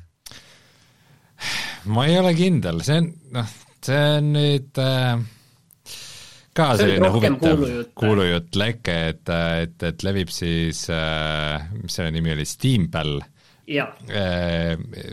millele muidugi pakuti, et see oleks, oleks, võiks, võiks palju parem nimi olla, Gameboy et äh, põhimõtteliselt siis Switchi sarnane masin, mis töötab Steam'i platvormil ja mängib neid mänge, mis juba Steam'is olemas on. ja Steam'i koodist on siis leitud äh, viiteid sellele Steampallile ja et äh, mingid mängude nimekiri on, kus, mis on siis nii-öelda selle Steampalliga, Steampallile optimeeritud, et ilmselt see ei tähenda ju seda, et terve sinu Steam'i mm, kõik mängud hakkavad seal peal jooksma, vaid ikkagi äh, äh, teatud nimekiri mängudest, mis seda, mis seda suudavad mängida. ja tegelikult ega me selle kohta rohkem midagi ei tea, neid kuulujutte on olnud varemgi. ja tegelikult noh, mina, mina ikkagi oleksin suhteliselt pessimistlik nagu laiemas võtmes, et ma ei imesta, kui selline asi tuleb aga kas selline asi ka kuidagi lendu läheb, äh, seda ma ei tea, sest tegelikult Valve'i ajalugu riistvaraga on olnud ju väga huvitav. aga ühtegi suurt mainstream edulugu sealt tegelikult ei ole ju tulnud. või vaidled vastu? Steam Machine'ide süsteem küll äh, läks natukene, natukene tuksi neile suure haibiga, nad seal üritasid oma nagu konsooli teha, ma ei tea, kui paljud inimesed näiteks kasutavad seda Steam'i Big Picture mode'i, millega justkui oleks hästi mugav äh, teleka pea taga puldiga mängida, kui sul on arvuti sellega ühendatud, aga mm, ma ei tea, see ei tundu mulle mingi hullult äge originaalne nagu mõte, et mingi see Nvidia Shield kunagi oli juba midagi sarnast ja ja ega ma ei tea, mina, mina ei tea, et selles mõttes, et mida ju noh, Valve on siin teinud, on see Valve Index on ju, aga seal on tehtud just, et okei okay,, me ajame seda tippu taga ja me, ja me teeme selle kõige parema ja ja, ja seal on see nagu oma point olnud ja ta ongi olnud selline kõrgema otsa niši asi, on ju ja siis on olnud nagu sellised asjad, mille nad tahtnud massidesse minna nagu Steam Link ja, ja see Steam'i controller ehk see Steam'i pult ka. ja, ja seal on ka olnud selle tagasiside on ju nii ja naa, aga noh, selge on see, et nad ei ole ikkagi sellist noh, me enam nendest täna tegelikult sisuliselt ei räägi ju no selles mõttes nad äh,, Valve ikkagi oma seda riistvara osa on äh, läbi aastate äh, jõhkralt laiendanud, et äh, Gabe Newell on mitu korda maininud, et ta on väga kade kogu aeg Nintendole, et kes, et Nintendo justkui teeb oma nagu mänge ja riistvara nagu korraga, nad disainivadki neid üksteise jaoks ja et äh, ma olen väga kade sellele, mis seal on ja noh, arvestades, missugune nagu Äh, kui, kui vägev on tegelikult kogu see Steam'i mängude raamatukogu, äh, kui palju neid on ja kui lihtsa vaevaga need saaks äh, mingisugusel väiksel seadmel tööle, et noh, see muidugi on niisugune, niisugune nagu põnev mõte, aga ma ei tea, et kas nüüd just Valve on see, kes selle tegema peab, et seda võiks nagu ükskõik kes teha, et pluss kas see neil nagu välja tuleb, et teatavasti meil on ju siin suur kiipide puudus nagu maailmas, et, et Valve Indexiga on juba juhtunud see, et Gabe Newell on ka kurtnud, et et, et, et neist sõidavad igasugused Microsoftid ja Apple'id üle, et nad ei saa nad ei saa Hiina teha, ei saa Hiina tehastes löögile, et nagu mingid suurkorporatsioonid on nagu mitu aastat ette ära ostnud juba mingisugused kiibid ja asjad ja et ma ei tea, mul on kuidagi, ma ei saa sellest ideest aru ja mul on kuidagi vähe usku, et sellest midagi siin ei saa jah aru, et mis selle asja see suur point on, et noh, ainus point nagu on see, on ju, et sul on mingi, sa oled Steam'i kasutaja, et sul on mingi suur raamatukogu seal mängudest ja yeah. siis äh, sa ei pea nagu noh, sa võiksid võtta Switch'i on ju, aga sa ei pea neid mänge uuesti on ju ostma, sest sul on nad juba Steam'is olemas, aga ma rohkem nagu argumente nagu praegu ei näe, aga võib-olla seal on mingid väga huvitavad äh, lükked, kui selline asi peaks kunagi välja tulema. aga ma ei tea, ilmselt see on selline masin, mille peal me siiski Uncharted nelja ei mängi. miks sa seda arvad?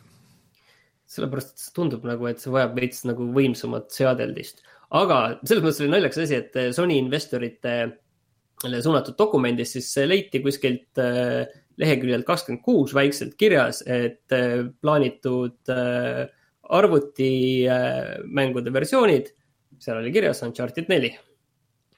et seda nüüd võeti sellise pehme teadaandena, et see nüüd ametlikult ongi nii Mhm. et see võib vabalt nii olla ja viim-, arvates äh, Sony viimaseid äh, selliseid äh, liigutusi, see tundub, et täiesti võibki nii olla. aga selles mõttes, et noh, plaanitud, noh, sa ei ole sada protsenti kindel. no ikkagi, see on, noh see on ikkagi tegelikult väga suur uudis, et äh, kui, kui see nagu välja tuleks, siis see ikka muudaks nagu seda see ei ole suur uudis, on lihtsalt sellepärast, et seda noh, Sony ei ole ametlikult öelnud, et jah, see nüüd nii tuleb et Uncharted neli tuli tegelikult välja juba päris hea mitu aastat ta tagasi. et, äh, et see nagu isegi sellise ärimudelina see kõlab nagu täiesti loogiliselt, et niiviisi kolm-neli aastat hiljem me toome selle mm, -hmm. toome selle ka arvutile, et fine, mängige, me võtame raha jah, aga see, et umbes aasta tagasi siin jää sulama hakkas, et mingid Death Strandingud ja Horizonid ja nüüd siis hiljuti see Days Gone nagu niisugused PlayStationi eksklusiivid vaikselt tilguvad arvuti peale, et noh, et et tore, aga et nüüd järsku niimoodi nagu uksed valla lähevad, et seda seda ikka ei osanud oodata, et mina, mina ikkagi jätkuvalt äh, ootan selle Bloodborne'i ära.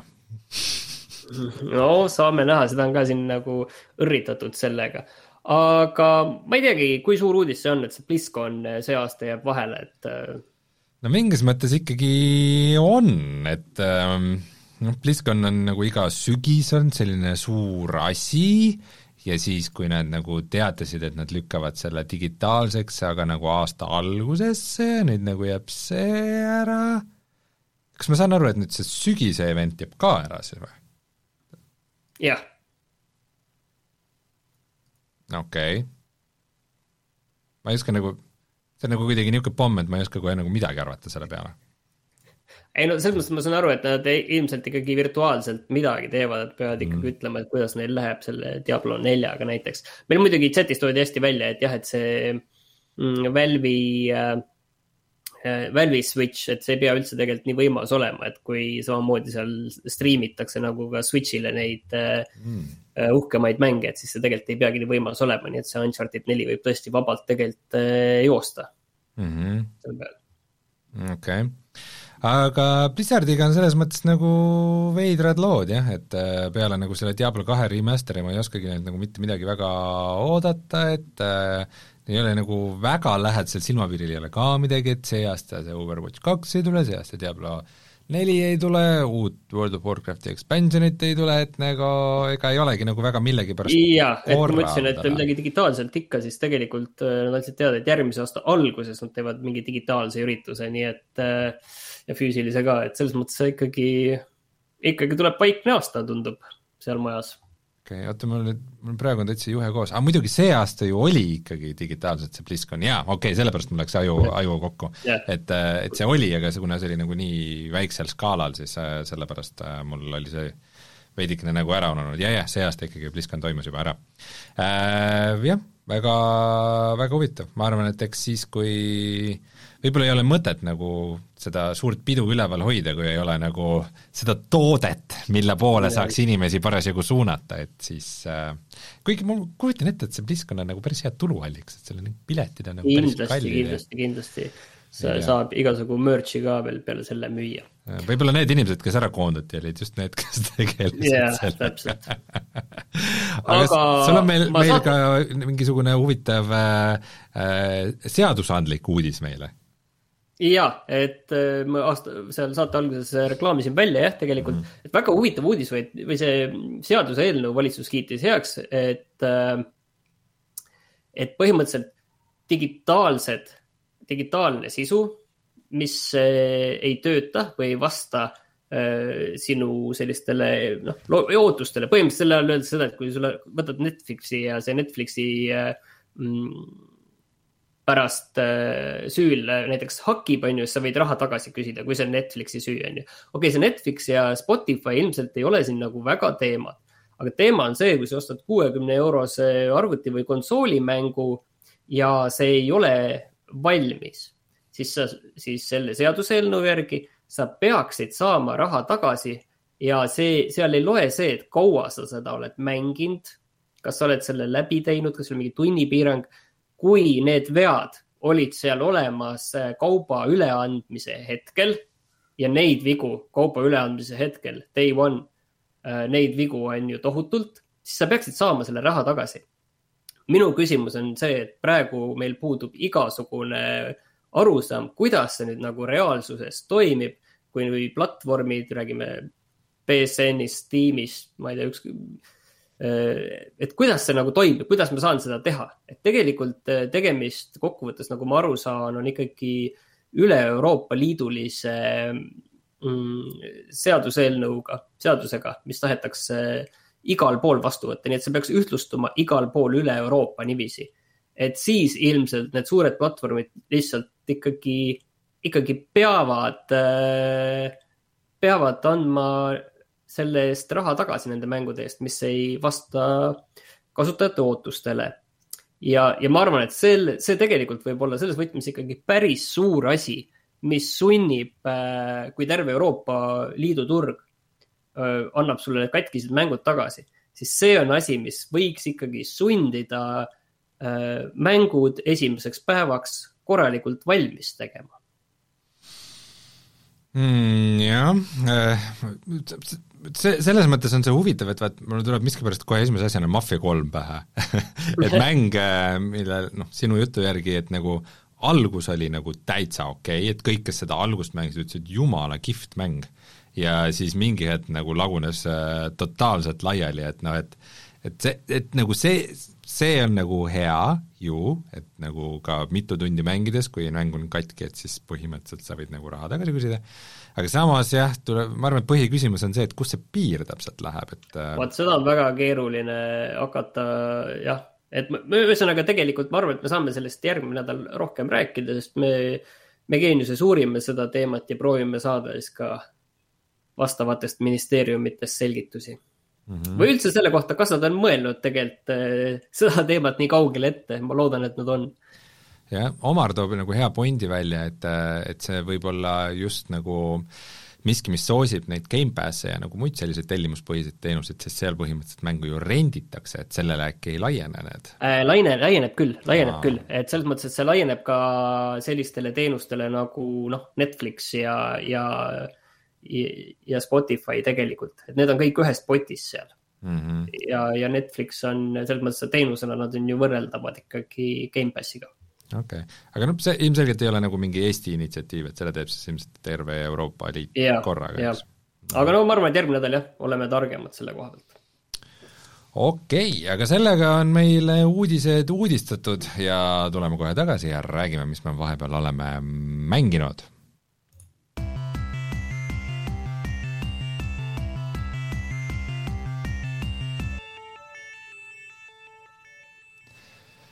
Martin, kas sa oled vahepeal mänginud uut Resident Evil'i mängu? kuule, ma hästi natukene olen ja siis ma sain aru, et ma, see on koht, kuhu ma pean äh,, kus ma pean ikkagi istuma pikalt maha ja rahulikult mõtlema, sest äh, see, ma olen selles samas kohas kinni, ma olen neli-viis korda, võib-olla natuke rohkem proovinud ja tead, mul on see probleem nagu kokkuvõttes, et äh, ma ei tea, mida, mis, mida teha, mis on seal see eesmärk et ma, ma mingi aja pea, olen, jään seal, pean seal vastu, olen, olen elus ja, ja tekib veits paanika, et ma ei tea, kuhu minna ja mida teha. ma saan sinust aru, ma arvan, ma ikka rohkem kui viisteist korda tegin seda kohta, aga ma sain sealt läbi, Martin, see on võimalik. Äh, me räägime siis äh, Resident Evil kaheksa mängimisest hardcore raskusastmega, kus äh, põhimõtteliselt esimene koht, kus sa siis kohtad neid libahunt zombisid, sest neid lihtsalt tuleb ja tuleb ja see ei lõpe ja sul pole nagu mingit šanssi, aga see on päris nõmedalt disainitud ja päris katkine koht, ma ütleks, aga lõpuks Võt, mina ma... ei tea, mida teha, ma olen kogu selle kaardi läbi seal jooksnud proovinud leida kohta, kuhu peab minema. ma vaadates seda vastaste hulka ja keeruline neid tappa, siis ma ei taha uskuda seda, et ma pean nad kõik selle ära tapma ja, ja selles mõttes mul jätku laskemoona selle jaoks mm. -hmm. ei, seal ei olegi võimalik neid seal kõiki ära tappa, et lihtsalt põhimõtteliselt point on see, et lihtsalt pea vastu, pea vastu mitu korda, nii kaua ah, kui okay. või, võimalik ja lõpuks see õnnestub, aga see on päris ebameeldiv koht. igatahes mina olen sellest nüüd juba nagu jupp maad edasi, olen selle hiidnaise lossis, tegelikult ma praegu just võitlengi hiidnaisega, ma jäin sinna viimati pooleli. ja vahepeal oli ühe, ühe vampiiri tütarlapsega ka üks väga-väga rõve võitlus kus ma korduvalt lihtsalt kulutasin kõik oma kuulid ära, võtsin uuesti seivi, kulutasin kõik ära, mitte midagi ei saanud teha. kuni siis jah, ma sain aru, et tegelikult peab sealt lihtsalt läbi jooksma enam-vähem nii et äh, mingeid suht veidraid valikuid on äh, seal Resident Evil kaheksas tehtud, aga ma pean ütlema, et siiamaani tegelikult on ikkagi väga, väga äge mäng, et nagu mul nagu tunne, nagu ma poleks, ma ei tea, mingi maailmatu ma aja ühtegi niisugust nagu triple A mängu mänginud või et nagu, et, et äh, ikka on nagu mingid cutscene'id ja animatsioonid ja on vahel ikka on, mida vaadata ja et nagu kuidagi, ma pole nagu tükk aega seda tundnud, et ma mängiks niisugust kihvti äh, niisugust nagu suurt, suurt mängu. et mm. mul on, kui seda mängu ei oleks meil juba värskes kullas, siis ma paneks ta kohe hooga siia uuesti, et et iseenesest on ikkagi kihvt mäng, kuigi kohati veidikene nagu janky või katki mingites kohtades? ma kindlasti, ma kindlasti võtan ennast käsile ja ma teen selle koha läbi, selles mõttes ma ei anna alla, et. aga mida sa siis mängid, midagi sa ju pead mängima, Martin? jaa, ma mängin, eh, mul on selline tööpäevamänguks on saanud tead eh, Into the Breach, mida me oleme siin eh, kunagi kõik koos mänginud, video on ka sellest. et see on siis selline malelaual, noh, põhimõtteliselt malelaual selliste äh, üksuste liigutamine, tead, ma hakkasin mõtlema, et tead, enne kui Ott rääkis sellest Heroesest ja väiksel skaalal, tead, mulle tundus see, et see mõnes mõttes natukene on seda tegelikult kuidagi nagu mingi trikiga see asi ära tehtud. noh, tegelikult ta ei ole päris sama, aga okei okay,, noh, käigu või, okei okay. ja mul on kõik ammu seal kõik need äh, erinevad tiimid lahti, erinevad robotid ja siis ma vaatasin, oi, seal all on veel üks äh, secret squad, mille jaoks põhimõtteliselt sa pead kõik achievement'id ära saama. ja siis ma asusin neid tegema grind ima? ei noh, seal on päris huvitavad need selles mõttes, aga noh, põhimõtteliselt sa võid nimetada seda grind'iks ja seal peab äh, palju mängima selleks, et mingeid kätte saada. ja, ja ma olen nüüd neid teinud ja nüüd mul on veel kuskil kümme on veel puudu. ma arvan, et äh, mulle, ma olen avastanud, et see on ikka meeletult hea mäng. ma mõtlesin seda, et kui üks hetk oleks vaja ikkagi mingit sellist kõigi aegade mingi tabelit äh, ma peaksin tegema, siis see läheks seal ikka väga kõrgele kohale kas enne või pärast FTL-i? minu jaoks enne mm.. et tegu on siis äh, FTL-i tegijate äh, selle järgmise mänguga, FTL siis äh, Faster than light.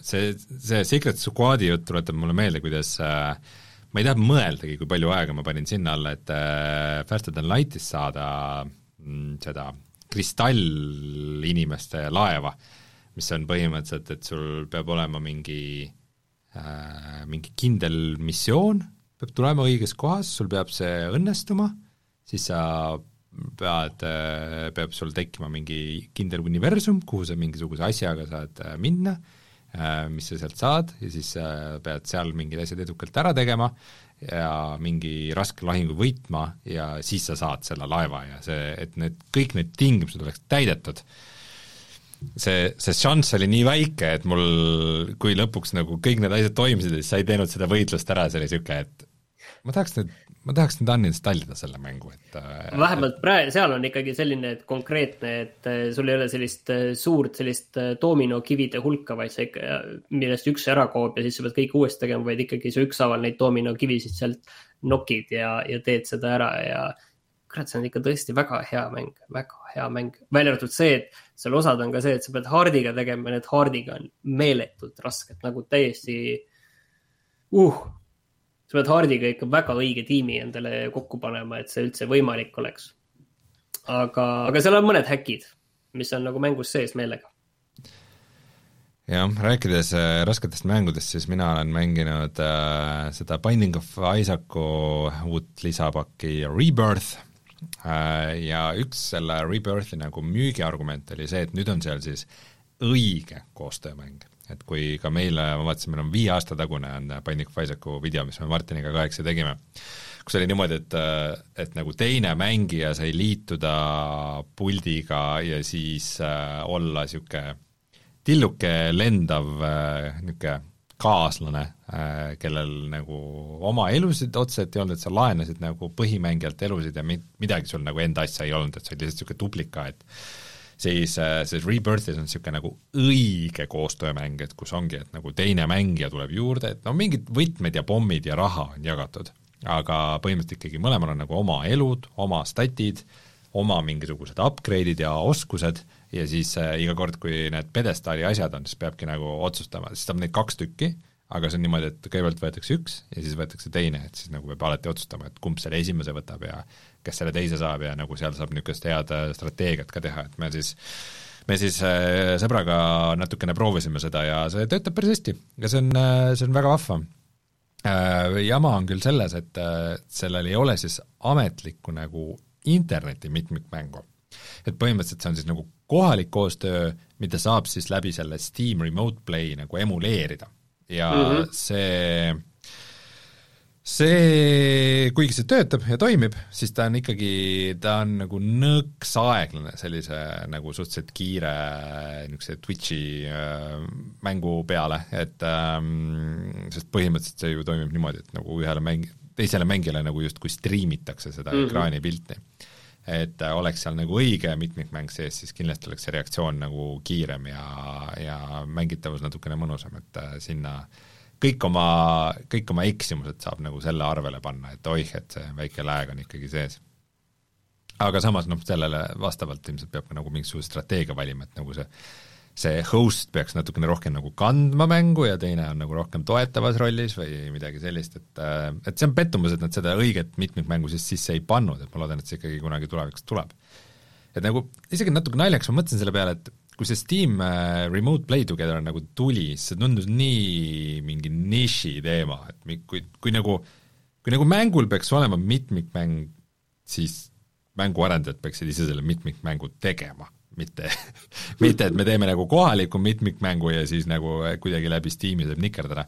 aga viimase aasta jooksul mõtlesin, ma olen väga palju seda sõbraga koos mängides kasutanud, me oleme Wilmots Warehouse'i, Moving Out'i, äh, Spelunki kahte, nüüd siis Isaacat nagu oleme mänginud sellega, et on ikkagi veidralt palju mänge, millel on mitmikmäng olemas, aga ainult nagu ühe ekraani taga tänapäeval, arvutil ka, nii et äh, hea, et see remote play together nagu olemas on, aga võiks olla, et, et ikkagi mänguarendajad ise teevad oma töö ära. aga Martin, kas sul on huvi äh, proovida seda Binding of Isaacu viimast lisapakki või, äh, või see rong on sinu jaoks läinud? ma ei ole nagu kindel, on aus vastus. ma arvan, et ma võiksin proovida, aga, aga ma ei ole nagu täitsa kindel kuidagi, mul on tunne, et see asi on läinud kuidagi nii keerukaks ja, ja selle asja selline ägedus on, noh, mitte keerukaks selles mõttes, et kogu see, kogu see see asjade hulk, mis seal on, et see on läinud niiviisi, et enam raske on seal nagu orienteeruda ja, ja seda nautida, et selline, selline minimalistlik lihtsus on sealt, mul on tunne nagu veits nagu kadunud, aga võib-olla ma eksin. Ei, ma tunnen natuke samamoodi, aga siis, kui ma nagu jälle kuidagi sinna sisse elan, siis see on jälle okei. Okay et äh, see, need uued levelid nüüd ongi see, et sul on sageli nagu niisugune nagu paralleelvalik, et sa saad minna mingitesse äh, noh, niisugust nagu paralleelteed pidi. Ja need uued levelid on päris rasked. Ja mul sageli ei lähe õnneks seal käimine ja siis on seal põhimõtteliselt on see, et sa pead äh, mingisuguse spetsnoa kokku saama, et siis äh, võidelda veel mingi superemaga, äh, mingi eriti raske ema versiooniga. Ja selleks, et neid saada, peab nagu nendest paralleellevelitest saama mingid spetsiifilised asjad kokku mis on nagu omaette äh, väga tüütud ja, ja nagu päris ressursse nõudvad, et ähm, mm, Isaacu juures on alati nagu selline juhuslikkus olnud päris suure olulisusega, et nagu, et, et on nagu run'id, mis, kus sa saad halvad asjad ja mis nagu ei lähegi hästi, ja on mingid run'id, mis sa saad nii võimsaks, et nagu täiesti katki on mäng, et lihtsalt nagu pühid kõigest üle, nagu poleks mitte midagi ja, ja siis ongi see, et nagu suhteliselt varakult mingisugused nagu suuremad väljakutsed panna, siis on kuidagi, et äh, kas see, kas see nagu, see täring peab nagu päris hästi sinu kasuks mängima, see konkreetne mäng, et kui mm. kui sul ei vea, siis sul ei toimi need asjad ja see kuidagi, see vahet tegemine, et millal nagu minna suurema riski peale ja millal mitte, see on nagu päris keerukas, et äh, ma ei tea, see õnnemängu element on äh, praegu mulle tundub, et töötab natukene selle mängu vastu ja ma vist mõistan enam-vähem jah, mida sa mõtled mm. -hmm. aga sellega on meil äh, mängud mängitud, äh, tuleme tagasi ja vaatame, mis on internetiavarustes odavalt kättesaadav mäng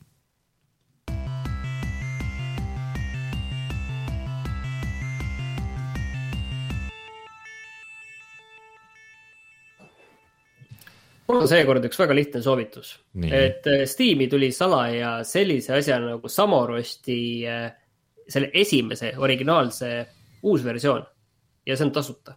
ja see uus versioon on muidugi niiviisi, et seda on natuke nagu parandatud, et seal on äh, uus heli, seda pilti on lihvitud ja see on selline lihtne hiirekliki seiklus, hästi minimalistlik, selline, et näpid kõike, kus midagi toimib ja, ja sellel on oma väga suur võlu ja ma soovitan seda mängida hmm..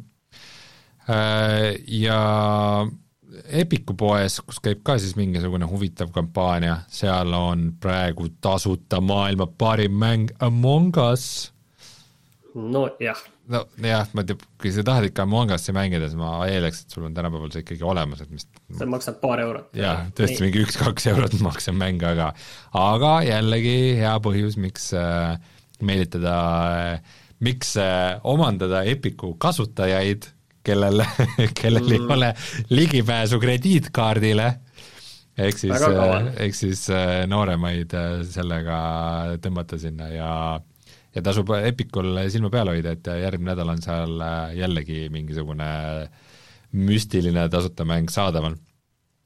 Lisaks üks asi, mis, mida praegu veel võib täitsa tasuta proovida, on ma ei tea, mis, mis sulle ütleb, kui ma ütlen, et Electronic Artsi või siis EA poolt tehtud äh, rahvapall ei ütle midagi ja selline mäng nagu Knockout City, mille tasuta demo tuli just äh, Steam'i, aga siis mujale, et mis on nagu ootamatult hästi vastu võetud, et seda saab täitsa tasuta saab äh, praegu proovida. Ja mul on tunne, et meie tänase intervjuu peale kõik lähevad kohe nüüd Steam'i ja vaatavad, et äh, mis see, mis see mis, mis hinnaga need Heroes of Might and Magic'u mängud praegu yeah,? Tehtud Taxis on ka, öeldakse, et äh, Steamis äh, miinus viiskümmend protsenti ja, ja see, ta sellel Tehtud Taxis maksis, kui ma ei eksi, siis äh, kümme eurot. ei, kaksteist oli, praegu on kuus jah, nii et selle saab väga soodsalt kätte ja kõik Hiirase mängud muidugi ka, aga jaa, toetage Eesti mänguarendajaid ja ostke omale Death and Taxis kõikidele platvormidele, mis võimalik ja kui, äh, kui nende siis äh, Hero of Might and Magic'u spin-off mäng, äh, kui sellest tiimi leht laivi läheb, siis wishlist'ige seda kohe, samal hetkel mm. -hmm. aga ongi tänaseks kõik.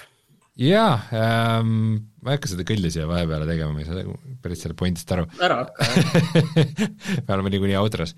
et äh, suur tänu, Martin, et ühinesid meiega siia tänasesse saatesse tundub siiamaani, et ma ühtegi valet nuppu ei vajutanud ja kõik on nagu okei okay., kui te praegu seda, kui te, kui on, kui te kuulate meie audioversiooni ja te tegelikult seda ei kuule, siis midagi läks valesti.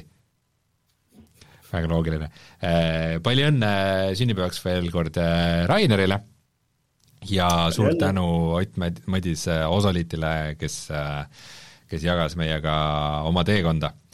Ja sellega on selleks korraks Eesti mängude kuu jällegi läbi, mul on jällegi väga hea meel, et me seda tegime, olid äh, väga põnevad äh, külalised ja vahvad intervjuud, saime nii mõndagi uut ja huvitavat äh, teada ja niisuguse väikse võlana siis me millalgi äh, ütleme, lähima kuu-paari jooksul tahaks kindlasti ka selle Plastronaudi mitmikmängu äh, video ka ära teha, et selle, selle me oleme siis praegu veel võlgu.